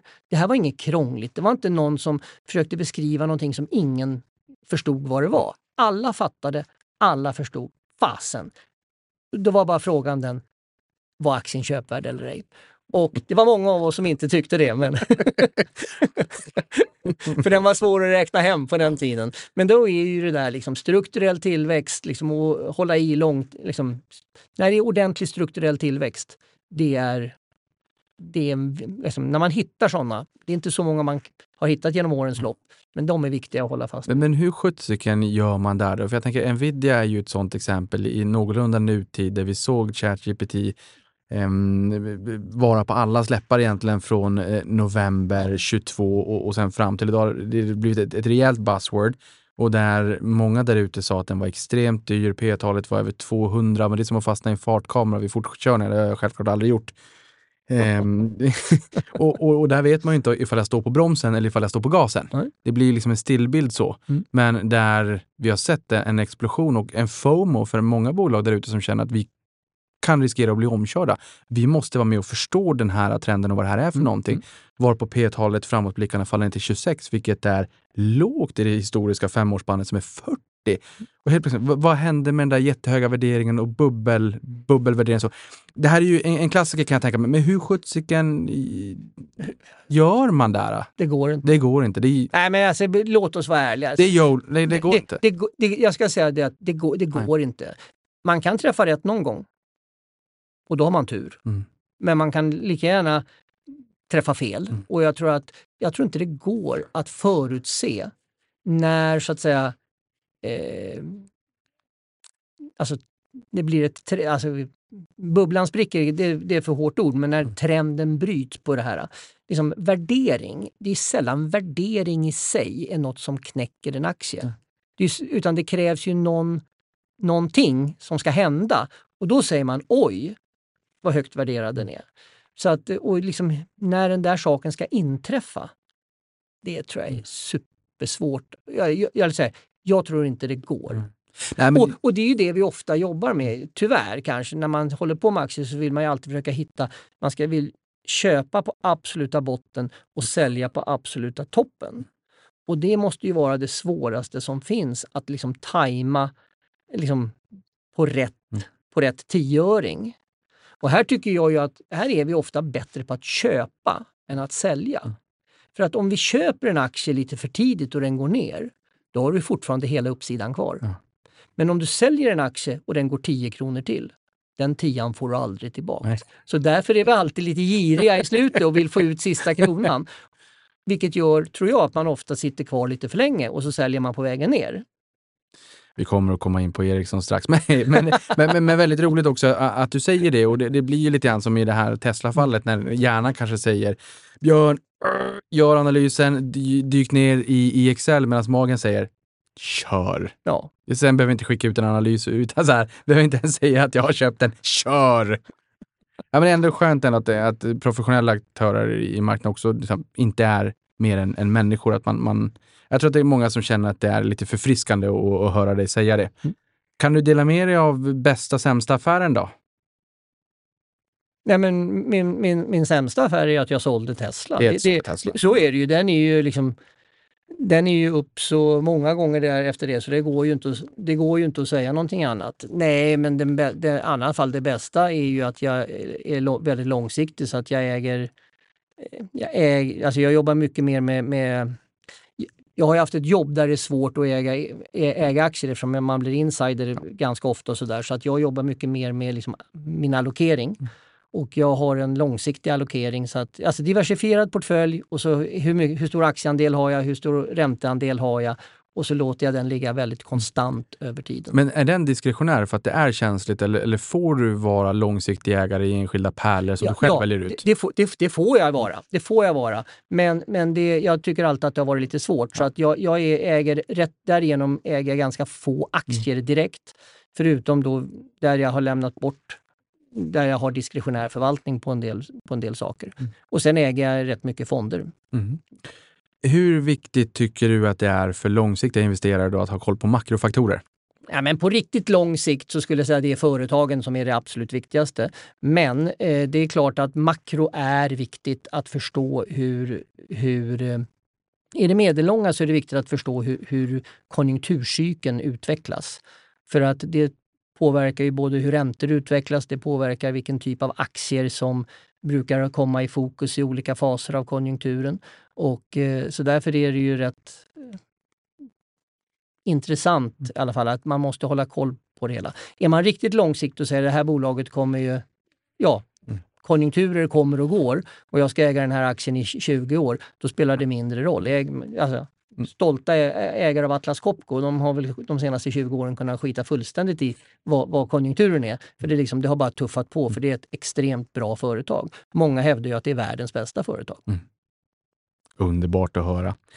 Kan du ge oss några historiska anekdoter då från din tid i finansbranschen? Jag vet bland annat när vi var på Centrum för näringslivshistoria så var vi inne i LM Ericsson, eh, Lars Magnus Eriksson rummet, där de hade massa telefoner och massa. En tv som var dåtidens första typ Facetime där man, där man kunde ringa upp vid en liten tv och se varandra så att säga. Det var, det var som att gå in i ett museum.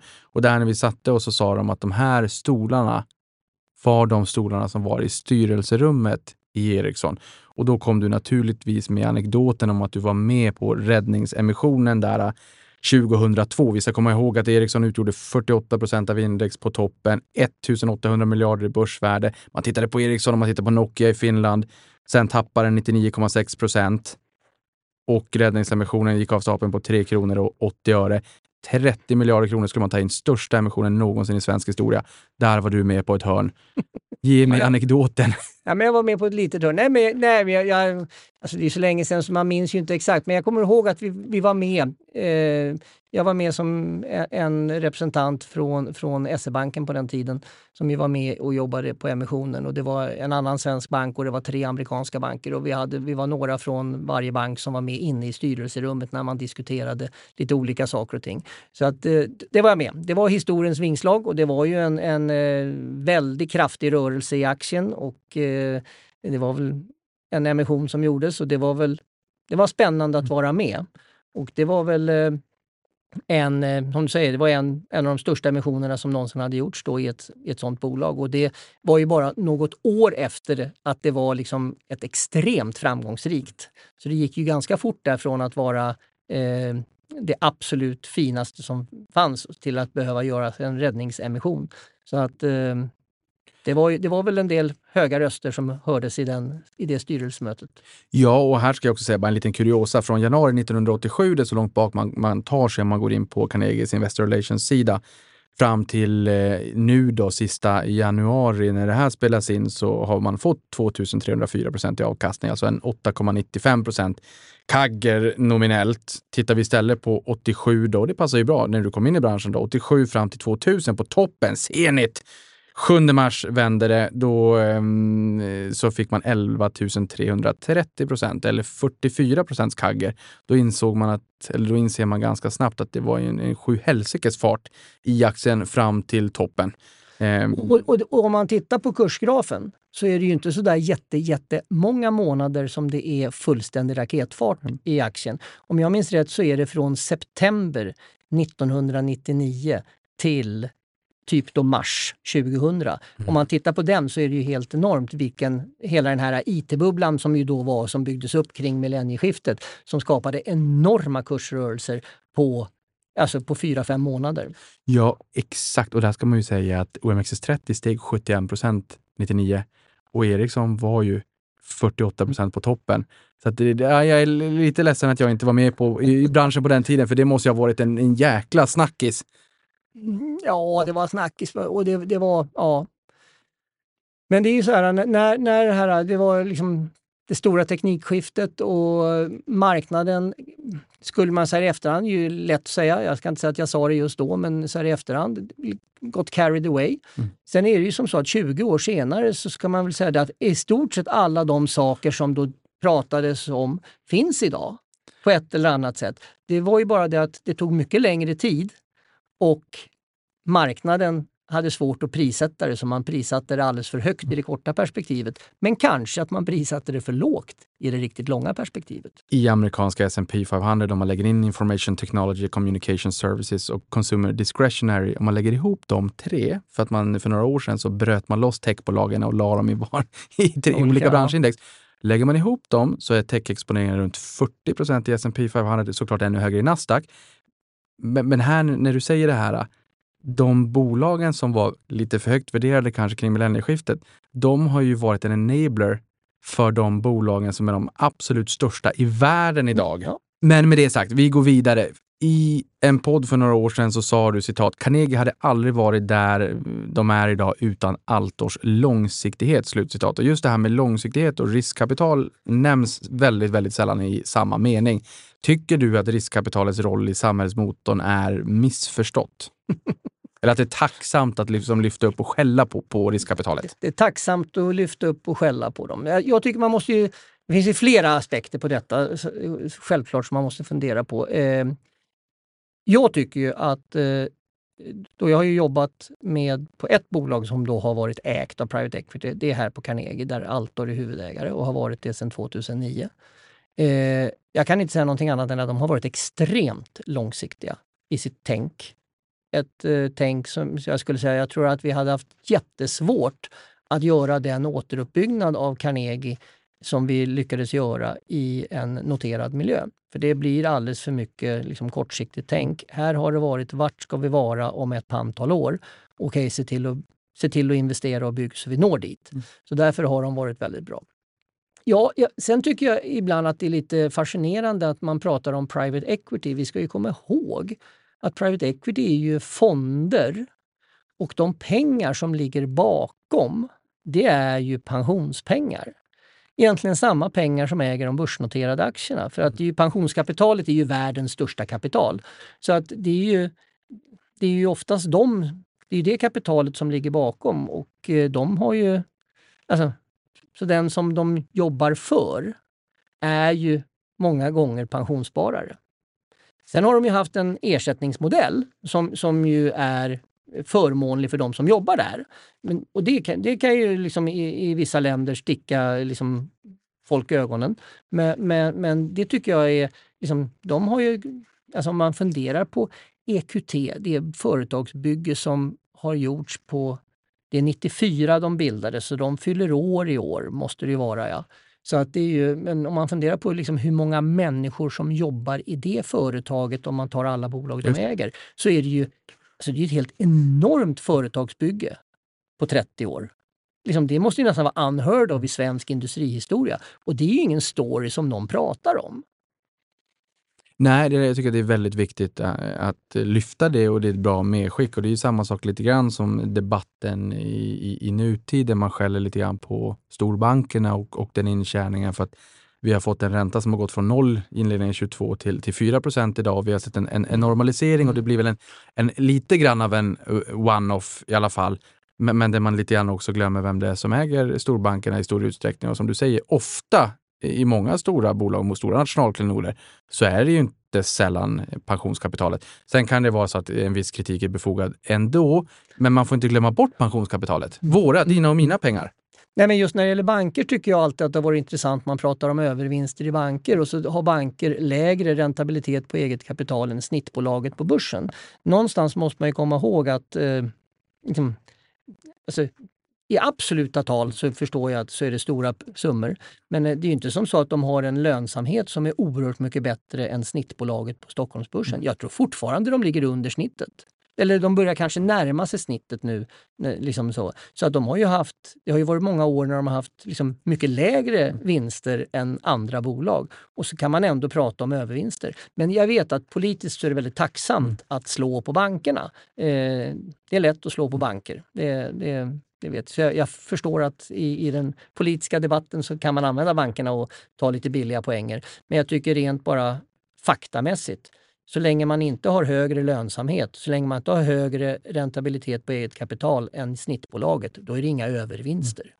Nej, och vi alla mår väl ganska gott över att ha ett robust banksystem också. Det är väl någonstans 4-5 gånger BNP. Så det är ju ganska trevligt att, att vi står stadigt i tiden när det blir lite snålblåst. Det viktigaste som finns när det blir en lågkonjunktur, det är att banksystemet mår väldigt bra så att de kan absorbera om det dyker upp kreditförluster om banksystemet är dåligt, i dåligt skick och det kommer kreditförluster, då blir det problem för hela samhället. Så jag skulle säga att en av de viktigaste sakerna vi har i ett samhälle, det är att vi har välfungerande och välmående banker. På tal om räntabilitet på eget kapital, mm. och det, det, här är såklart, det beror på från bransch till bransch naturligtvis. Men, men finns det någon sån här riktig härlig mumma siffra där du känner, ja men 15 procent, det, det, det fördubblar ju eh, vilken siffra som helst på fem år. Men finns det någon siffra du känner, den här nivån tycker jag känns bra? Eh, Ja, men det är väl klart att 15 till 20, eller 20 procent är bra. Men här, det är inte så enkelt med räntabilitet på eget kapital. Man måste ju titta på vad det är för företag. Ja. För det finns ju mängder med företag idag som inte binder så mycket kapital och då blir ju egentligen räntabilitet på eget kapital blir ju egentligen då ett blir ett felaktigt mått. Ja. Säger inte lika mycket. Säg, säger inte lika mycket. Men om, om, om du tar traditionella bolag som liksom tillverkande bolag, pappersbolag eller sånt där, ifall de ligger på 20 procents räntabilitet på eget kapital så tycker jag det är bra. Och då, är ju, då vet man ju det att med den räntabiliteten och de växer inte så där jättemycket den typen av företag så vet man ungefär vilken kurs eget kapital som borde vara rimligt. För det liksom kan man hitta och kalibrera på historien och då liksom så kan man hitta väldigt lätt att se ifall, aktier, ifall aktierna är eh, ifall förväntningarna på framtiden är högt ställda eller lågt ställda. Och jag tycker ju om att köpa bolag när förväntningarna är lågt ställda mm. på framtiden. Just det, lite grann den här trading rangen som du pratade ja. om tidigare, att, mm, den korridoren. Mm.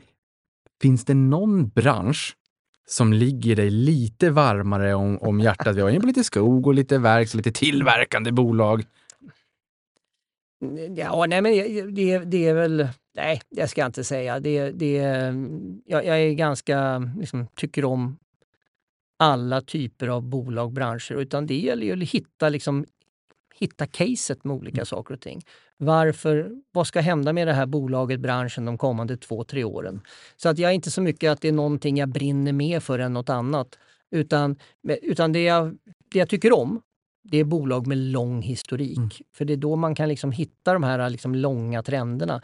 Så att jag har ju själv många liksom, sifferserier som jag jobbar med som går tillbaks åtminstone till 2000, så jag har 20, alltså, så jag har 20-25 års historik på bolagen. Så det tycker jag är trevligt att ha. Det är alltid svårare när bolag kommer med utan historik. För då vet man inte riktigt hur kommer de klara nästa konjunkturnedgång och vad brukar hända när sådana saker händer. Men har du 20 års historik då har du ändå viss känsla för hur mycket brukar vinsten gå ner när det blir sämre tider. Det låter som att du kommer gilla Montrose plattform. I, ja, får man vara med i testpanelen då? Du får definitivt vara med i testpanelen. I förra avsnittet så fick vi ju lyssna till Montrose grundare Alexander Boman och Carl Skarman när de berättade om hur det hela startade en gång i tiden. Och en gång i tiden, det var ju i fjol, så det är, vi inne på andra kalenderåret. Och du var ju högst involverad i den här dialogen när den tog fart då som vd för Carnegie. Nu när du är här nu har vi redan hört eh, Boman och Skarman. Hur gick det till egentligen? Nej, men jag kommer ihåg att eh, det är väl sommaren 2022 som vi har de första kontakterna. Vi hade ju funderat eh, en hel del i de här banorna och liksom vad kan vi göra digitalt och hur skulle vi kunna bredda vårt erbjudande till lite liksom nya segment? För att jag sa ju tidigare att vi liksom hållit fast vid vår kärnverksamhet. Jag brukar ofta säga att man, de, när vi gör nya saker så vill vi att det ska liksom stämma ihop med vår DNA.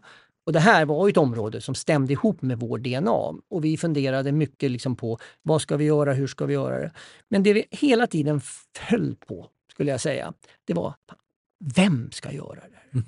Vilka ska göra det här? Liksom, vi, har ju inte, vi har ju inte erfarenheten, vi har inte individerna.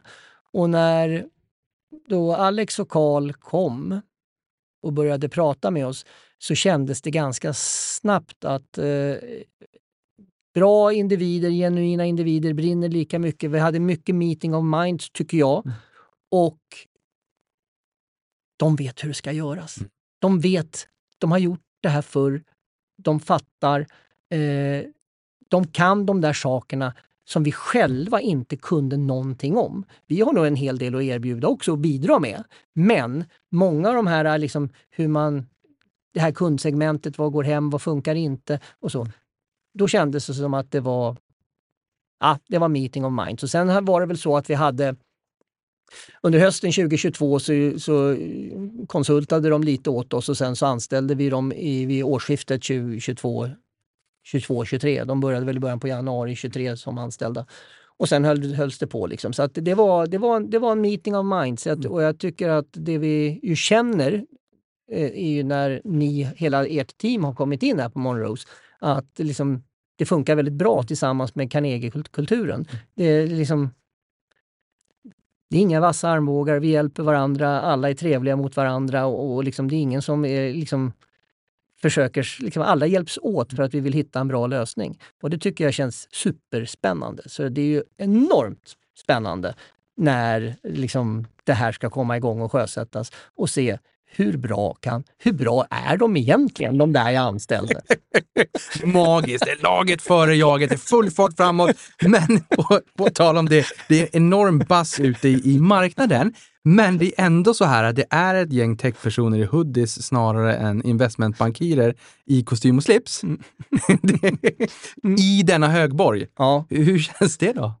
Men det tycker jag, det, du, du, som går här också i dagarna, det, det, är ju så att säga, det är inte att du går runt här och ser att alla går i kostym och slips. Eh, så att jag skulle säga att vi är ett väldigt, på så sätt, ett laid back företag. Det är inga höga hästar någonstans, det är ingen som snobbar till sig så. Vi har en enorm respekt för kund. Men liksom, vi är liksom ett gäng som jobbar tillsammans. Mm. Så att jag skulle nog säga att jag tycker nog att ni passar in väldigt bra. Och sen är ju några av er ju lite aktieintresserade och, och det underlättar ju. Lite grann är lite intresserad är Ja, ändå av aktier. har en det, må, det måste du väl ändå erkänna?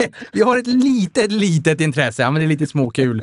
Ja, och du, på tal om, förutom aktier och förutom historia och sådär, du har väl också ett ganska stort eh, intresse för musik, tänker jag. För det vet jag att vi var inbjuden till att få träffa er eh, förra sommaren, eh, innan vi då hade börjat, för ni hade en sommarfest och, och där var det återigen, man, man hade kanske förutfattade meningar att det skulle vara lite, lite snofsigt och snobbigt och sådär, men, men, men man slogs väldigt mycket av den varma kulturen och det varma mottagandet. Och det har förvånat väldigt många av oss. Varför vet jag inte, men varmt mottagande. Och, och där på den här sommarfesten så, så var det många som förväntade sig att du skulle upp och sjunga och så funderar man så här, undrar om Tony kommer att sjunga och kommer dra, förvalta det här arvet vidare? Musik och eh, sjunga är någonting du gillar? Eh, Jag är musikintresserad och de som känner mig vet att eh, jag plågar dem ofta genom att jag sjunger. Så att det, så att det är, och, eh, jag, och jag, jag har sjungit på flera firmafester tillsammans med bandet. Så att det, så- att det, och jag tycker det är vansinnigt roligt att sjunga. Jag önskar ju att jag hade kunnat vara bättre på musik så att jag hade kunnat gjort en karriär där. Men som jag brukar säga, vet, alla måste ha en karriär att falla tillbaks på när det går åt helvete. Ja, Och för min del blev det bank. För, din del blev det bank. Men, men jag, är lite musikanalfabet, eller det, så, det, det finns nästan bara aktier i mitt huvud. Men, men, men, men det är ju säkert många som lyssnar på den här som tycker att musik också är roligt. Så vilken är den eller de bästa artisterna då? Eller låtarna? Ja, det, det går inte att säga Nej. att det är olika saker. Men, men det är klart att jag är ju uppvuxen på 70-talet. Alltså jag är född 60-talet, uppvuxen på 70-talet. Och David Bowie var ju min eh, husidol. Så det är klart, ska jag nämna en sån artist så är det David Bowie. Sen har jag ju med årens lopp liksom eh, också lärt mig, liksom, eh, tycker ju att eh, liksom Bob Dylan är helt fantastisk med hans texter. Springsteen, det finns hur mycket som helst. Men om det är en jag ska nämna så är det då David Bowie. Du vet ju av erfarenhet att Falken har smugit in några trojanska hästar här i. den, den här är inte jobbig på något sätt, men här säger han, vilket är ditt främsta tips till långsiktiga investerare där ute? Eh, till långsiktiga investerare. Det är två saker som driver värden och det är, ena är ränt, lönsamhet och det andra är tillväxt. Så hitta bolag som kan växa med lönsamhet över lång tid. Och då, då, för att det ska bli riktigt lång tid så gäller det ofta att hitta något som har en strukturell trend underliggande som är positiv. För i annat fall blir det jobbigt i det långa loppet att vara det. Men liksom det är liksom, och då, när det är riktigt på lång sikt, så är dagens värdering ganska oväsentlig. Ja, men uppfriskande att du säger det. Och att det, att det inte bara, för jag, jag kan tänka mig att många låser sig fast vid dagens värdering och missar många tåg som går där man kanske känner i magen, precis som du kände när du besökte Tesla eh, hösten 13, att man inte riktigt kan räkna hem det. Fast det känns i magen som att det här borde vara framtiden, en del av framtiden. Men man missar det. Och att just det här att dagens värdering inte är allt. Jag tror att det är ganska uppfriskande för många som lyssnar på den här. Ja, nej men det, det, det tror jag det är. Sen, sen är jag dålig på att leva därefter, det, det ska jag säga. För att, för att jag har ju en tendens att vilja liksom tycka att det ska vara Liksom, det ska vara billigt. Men, men jag tänker sällan så att säga, i de här 10-15 års termerna när jag, när jag tänker aktier. Jag tänker nog snarare 2-3 år ofta. Jag tänker sällan så här, mån, en månad eller två. Jag försöker tänka lite längre. Så att eh, liksom, Men är det maximal eh, värdetillväxt på de investeringar du gör eller tycker du att det är lite kul med utdelningsaktier så att du får lite kassaflöde, lite pengar in? Eller hur ser filosofin ut?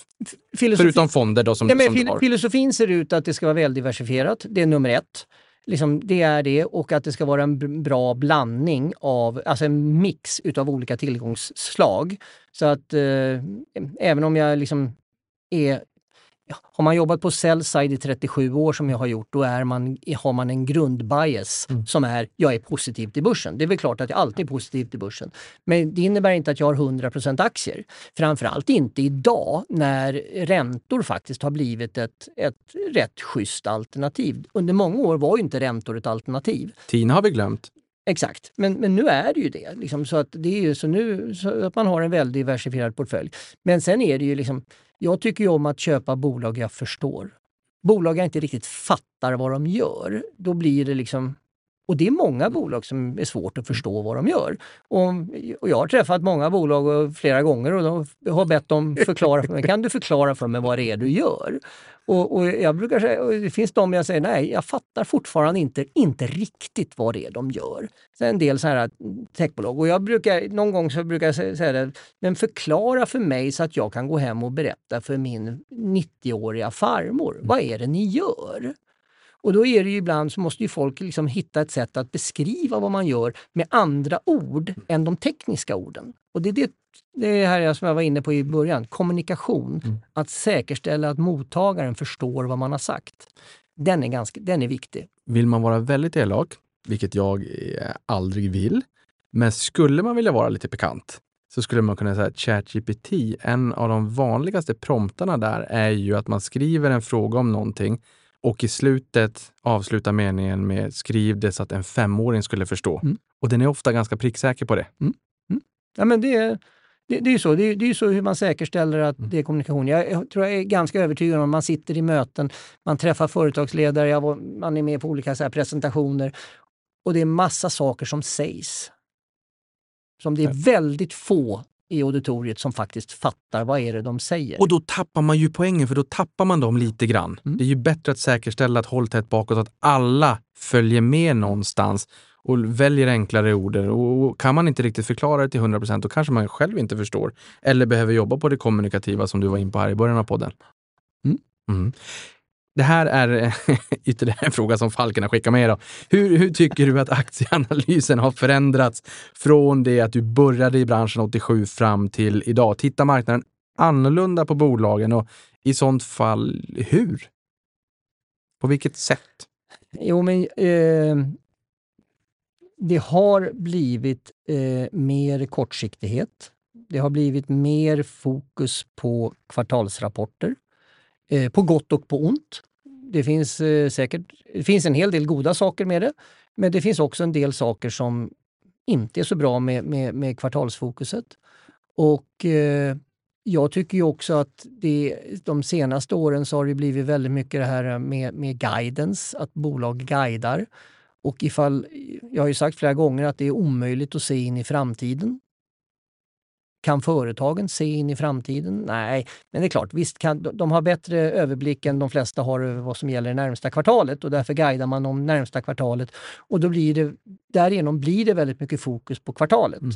Och det kan jag tycka är, är lite olyckligt. Jag tror att om vi går tillbaka till 80-talet, så var 80-90-talet, så var analysen lite långsiktigare än vad den är idag. Mm. Sen har vi ju blivit mycket mera, liksom, jag skulle nog säga att genomsnittsanalytikern idag kan nog sina bolag bättre. För att det har blivit mer det här att det är en karriär. Många jobbar som analytiker väldigt länge. Så var det ju inte förr, så att därför är kunskapsnivån är mycket högre idag. Ja, men det är intressant. Det blir lite grann som det här årgångsvinet. ja, ja. Är analytikerna kvar under längre och längre tid så blir det ju mer och mer kunskap som man har ja. med sig i bagaget. Ja. Här kommer en sista fråga. Naturligtvis vet du ju från vem. Falken. Han undrar ju om du tror att artificiell intelligens kommer att förändra det finansiella hantverket genom analys och mäkleri framåt och i sådana fall hur? Mm. Och då svarar jag Falken så här, kom förbi mitt rum imorgon så kan vi diskutera. Men för er alla andra så kan jag väl säga, ja det är väl klart att AI kommer påverka den här branschen också. Den kommer ju påverka allt. Exakt hur det kommer påverka, det Eh, det vet inte jag än. Men jag vet ju att det finns väldigt många olika projekt som olika stora internationella, framförallt köp, alltså portföljförvaltare som jobbar på olika sätt hur de ska samla ihop all kunskap om bolag inhouse så att när det kommer någon ny så kan man liksom ha en egen intern ChatGPT så man kan ställa frågan vad anser mitt företag om, det här mm. om den här aktien? Så får man hela historiken och sådana saker som kan snabba upp. och bo, sådär. Så att det kommer hända, men exakt hur? Det är alldeles för tidigt. Mm. Eller fel. Det finns säkert de som har klara åsikter här vad som ska hända. Jag säger, jag vet inte. Men här tror jag det gäller att vara lite liksom, flexibel och liksom, anpassa sig till vad som, vad som kommer Mm. och vad som kan, vad man, när man hittar möjligheterna. Men det gäller att inte blunda och tro att det inte kommer påverka. För AI kommer påverka alla delar av vårt samhälle. Som, känns det som att det här kan bli någonting omvälvande eller känns det mer som en evolution i ett naturligt steg? Ja, men alltså jag, jag, jag brukar vara så tråkig så jag säger att det mesta är evolution. Mm. Jag tror sällan på revolution, att någonting sker dramatiskt. Utan det här är någonting som man kommer anpassa sig till och så kommer vi använda det. Och om tio år så insåg vi inte egentligen när det var. Mm. Men vi gjorde det. Och det är ju, liksom, jag, jag skulle säga det att för analyssidan så, skulle, så säger jag att eh, liksom persondatorn var en gigantisk stor förändring. Och då framförallt Excel. Eh, ja, jag, jag kommer tillbaka, men det, men hela, ja, tänk, tänk så här, när, när jag började som analytiker, då skrev jag analysen för hand lämnade dokumentet till en sekreterare som skrev rent och så kom det tillbaks och så har ju hon då suttit och tolkat mina, min handstil och då måste jag gå igenom och så skickades det här dokumentet fram och tillbaks flera gånger. Du kan ju tänka dig när man fick en egen PC och kunde skriva direkt själv. Det kortade ju ner det enormt vad vi kortade ner ledtiderna då. Herregud. Och på tal om det du sa här tidigare också om att det kunde gå flera dagar från att information gick från Sverige till exempelvis USA eller vice versa. Det måste ju ha funnits goda möjligheter till, sen säger jag inte att man gjorde det för den sakens skull, men arbitrage. Ja, du kunde ju få reda på information tidigare om du var liksom lite aktiv ute och sökte. Så där. Men, men, men jag kan säga så här att när jag började, det var, ju, det var ju inget fokus på kvartalsrapporter eller tertialrapporter var det ju många bolag som hade.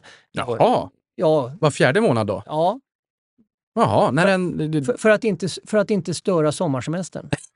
Ja, men, bra. Nej, men, nej, men går, vi tillbaks, går vi tillbaks riktigt långt i Sverige så kan vi säga att det var, fanns ju bolag som bara kom med en åtta månaders rapport och ett helårsresultat. Men min poäng var inte det, utan min poäng var det att det var ju inte, fanns ju inga previews, fanns ju inga förväntningar, fanns inget konsensus, det fanns ju ingenting. Det var inte ens att man visste vilken dag den kom. Det kanske var annonserat, men, men jag minns ju att man kunde så här, två dagar efter att en rapport hade kommit så hade, kunde man som analytiker säga ja, nu har jag gått igenom det här resultatet och det här är vad jag tycker. Men det var ingen som hade varit och frågat. Liksom, så, och tänk dig idag, idag är det liksom fokus, enormt fokus på varenda kvartalsrapport med massa liksom förväntningar inför, vad är konsensus och vad är liksom, och så är det väldigt mycket som händer just där. Det var det ju inte på den tiden. Nu, nu förstår jag att du är ju en person som är liksom eh, full fart framåt ända in i kaklet och det är, liksom, det, det, det är svårt att ändra när, när man är så som person.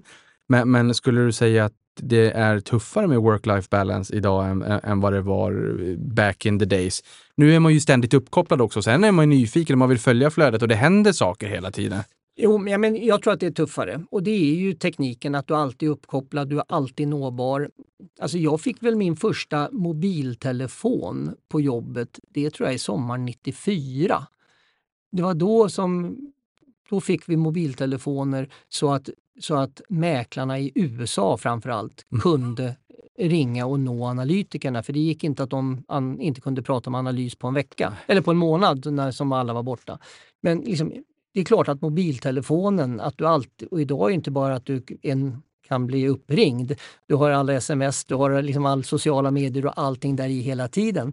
Och eftersom analysjobbet är ju att vara lite grann omvärldsbevakare och förs försöka sätta sig in i allting så är det klart att det är nog svårare med work-life balance idag än vad det var då, även om vi jobbade mycket även på den tiden. Jädrans vilken minuttaxa när jänkarna ringde till mobiltelefonen. Ja, jag fick min mobil långt senare, men det var ändå sju spänn i minuten och ville inte att det skulle gå över till två sms. Så då var det bara 160 tecken. Det var det bara 160 tecken. Nokia 2110 var min första. Man laddade den ståendes. Ja, du, du vet väl det att CLX, alltså Sinch, hette ju CLX innan de bytte namn. Och det företagsnamnet, CLX, det är ju 160 på eh, romerska siffror. För de hade ju sms-tjänst, så de var ju döpta till det. CET 100, L50 och X10, 160. Nej, det visste jag inte, men jag älskar kuriosa. Det där är helt fantastiskt. Magiskt. Det har också kommit in lite frågor från Twitter till dig, Björn. Och det första kommer från Ludde som säger så här. Har han indexfonder? Jag, har inde jag äger personligen en del indexfonder. Jag har mer i aktivt förvaltade fonder än vad jag har i, i indexfonder. Men eh, eh, om jag vill ha en exponering mot en marknad där jag liksom inte riktigt har koll på... För mig är det viktigt vem som förvaltar mina pengar. Men, men eh, liksom, om jag tänker om det är en aktiv fond, men om jag tänker liksom att jag vill ha lite exponering mot, mot Asien. Jag har ingen känsla för vilken förvaltare jag skulle vilja ha i Asien så därför kan jag lika gärna ha en indexfond för att jag får den exponeringen. Men, men eh, det är klart att huvuddelen av mina investeringar i fonder är i aktivt förvaltade fonder. Eh, jag tycker att den här frågan är intressant för att man säger ju ofta att aktivt förvaltade fonder inte klarar av att slå börsen över tid. Det jag vänder mig emot lite grann, dels så har vi en extremt hög koncentration både på bolagsnivå och på sektornivå i USA. Högre än någonsin tidigare just nu om vi pratar Magnificent Seven. Men också det att man tenderar att bunta ihop alla aktivt förvaltade fonder, alla förvaltare. Och det tycker jag är lite orättvist, för buntar du ihop alla, ja men då blir det någon form av snitt som kanske inte slår börsen. Men det finns ju duktiga förvaltare där ute som inte kommer att slå börsen varje år, men kanske över tid ändå. Man behöver inte slå börsen varje enskilt kalenderår. Jag tror, tycker det är viktigt med, med corporate governance och liksom att ägare ska ju vara lite grann eh, nagel i ögat på bolagen så att de utvecklas i rätt riktning. Och då tycker jag ju att om vi funderar på hela ESG-agendan, hela allt det här, liksom, att bara ha investerare som är, äger aktien för att det är en del av index, de tar ju inte det fulla ansvaret av ägarskapet. Och det tycker jag att det tycker jag, det är jag gärna villig att betala lite för. Att någon tar det ägaransvaret som det är. Och därför så tycker jag det är, liksom, är rätt att man ska betala lite mer för de fonderna. För att världen blir bättre tack vare aktivt förvaltade fonder mot om allt kapital bara låg i passiva fonder. Mm. Men sen säger jag det att passiva fonder funkar också. Så jag, jag, säger inte att det är förkastligt med passiva fonder. Utan jag säger att en mix av de två, men båda två har en roll att spela. Ja, nej, men det är ju intressant. Varför ska en, en aktör som har en indexfond mot S&P 500 gå alla de där ärendena och försöka förbättra bolaget när 499 andra bolag som har samma exponering mot S&P 500 glider mm. räkmacka? Ja. Och varför ska man försöka, om man har spetskompetens, hjälpa att förbättra Coca-Cola mm. när Pepsi ändå ligger i samma index. Sen är Pepsi 50-50 snacks och dryck, ja, men, men ändå. Ja, men så, så. Därför, så därför tycker jag ju att liksom, med, med liksom, aktivt förvaltade fonder som, som, som tar ett ägaransvar, som sitter med i, i valberedningar, som är aktiva, är med på stämmor och röstar ja och nej och allting sånt. Det är ju viktigt mm. för utvecklingen av företagandet. Och därför så tycker jag att det är, det är en viktig del som jag tycker man glömmer bort ibland i diskussionen när det finns de som säger att man bara ska köpa liksom billiga fonder eller indexfonder. För då, då liksom då måste man förlita sig på att någon annan tar ägaransvaret. Allmänningens tragedi. Mm. Mm. Fire Engineer säger vad, om något, skulle Björn ha gjort annorlunda under sin tid som VD? Oj, det är säkert väldigt mycket jag skulle ha gjort annorlunda. Eh, det är så mycket så att det, det, det har, har, vi inte tid att gå igenom tror jag. Men, men det är inte sådär, utan det är väl klart vi skulle ha investerat ännu tidigare i, i, eh, i digitala lösningar. Vi, vi, liksom, vi, skulle ha startat tidigare med vår hela liksom, förändring av vår teknologiplatta. Eh, hela den biten. Jag tror att eh, det, det, är väl, det är väl det som jag skulle säga vi skulle ha varit snabbare på, på, på det hela. Men eh, ja, ja, det är bättre att andra får bedöma vad jag borde ha gjort annorlunda. Men det finns ju också framsteg att firas och här säger han då, det är en följdfråga då, öppnas det flaskor Carnegie Porter, eh, inte en del av bolaget längre var frågetecken och det är det ju inte. Men öppnas flaskor eh, Carnegie Porter eller champagne när man firar framsteg inom Carnegie? Mm. det, det, det är inte så mycket Carnegie Porter vi öppnar. De är lite mastiga. Ja, men alltså, jag, det här med, jag vet, vi, vi köpte ett lager utav ehm, eh, det togs fram en speciell Carnegie Porter tror jag, till 175-årsjubileet. Mm. Och eh, det där blev ett litet, eh, ett litet eh, lager hos tillverkaren då som var över. Så vi köpte det så att det räckte att ge liksom en flaska till eh, alla i den svenska personalen. Mm. Men jag har inte hört att det var någon som egentligen tyckte den var speciellt god. Men det var, det var en rolig present att ge. Alfa Alex vill veta lite grann om investeringsfilosofin och hur processen ser ut från att du hittar ett case till att du köper och när du säljer eh, och vad som har varit de mest lärorika misstagen och vilka lärdomar du vill dela med dig av. Det här har vi ju kommit in på under podden, men, men Alfa Alex, en, en väldigt bra fråga. Eh, och sen så har vi Orim som säger, vad särskiljer Carnegie rent konkret från andra liknande aktörer på marknaden? Nej, men det som skiljer Carnegie från andra är ju vår personal. Eh, jag skulle säga det att många har eh, samma, eh, kallar det erbjudande, men vi har vår personal och det som ju är jäm, oss jämfört med, säger i alla fall många av storbankerna, det är att det här vi håller på med, det är vår kärnverksamhet. Det här är kärn, alltså nordiska aktier, eh, börsnoteringar, hjälpa privatpersoner liksom med, med sina placeringar. Det här är, det är, det är vår kärnverksamhet. Det är vad vi lever och dör för. Gör inte vi det här bra så har inte vi något existensberättigande. Vi måste vara duktiga på det här. Medan tillhör man en större koncern där den här delen bara är en liten, liten, liten del av koncernen så spelar det inte roll för de som sitter i styrelsen egentligen hur en sån här sak går. Det är själv, själv, man vill att det ska gå bra, men det är inte som så att alla brinner för det. I det här huset, i Carnegie, så brinner alla för samma sak. Att vi ska vara duktiga på de här få områdena vi har valt att jobba inom. Och det tror jag är en väldigt viktig skillnad mellan oss och många andra. Underbart.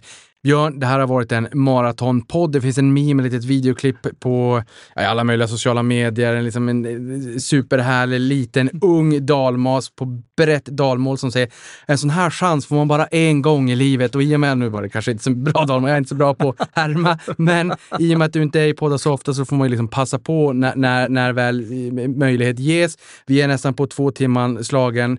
Så att jag vill bara säga tusen tack för att du gästade Montrose-podden och delade med dig av din klokskap. Det har varit en ynnest. Tack för att jag fick komma. Och vem vet, jag kanske tackar ja en gång till. det här var ju riktigt roligt. Magiskt! Och tusen tack för att du lyssnade på det här.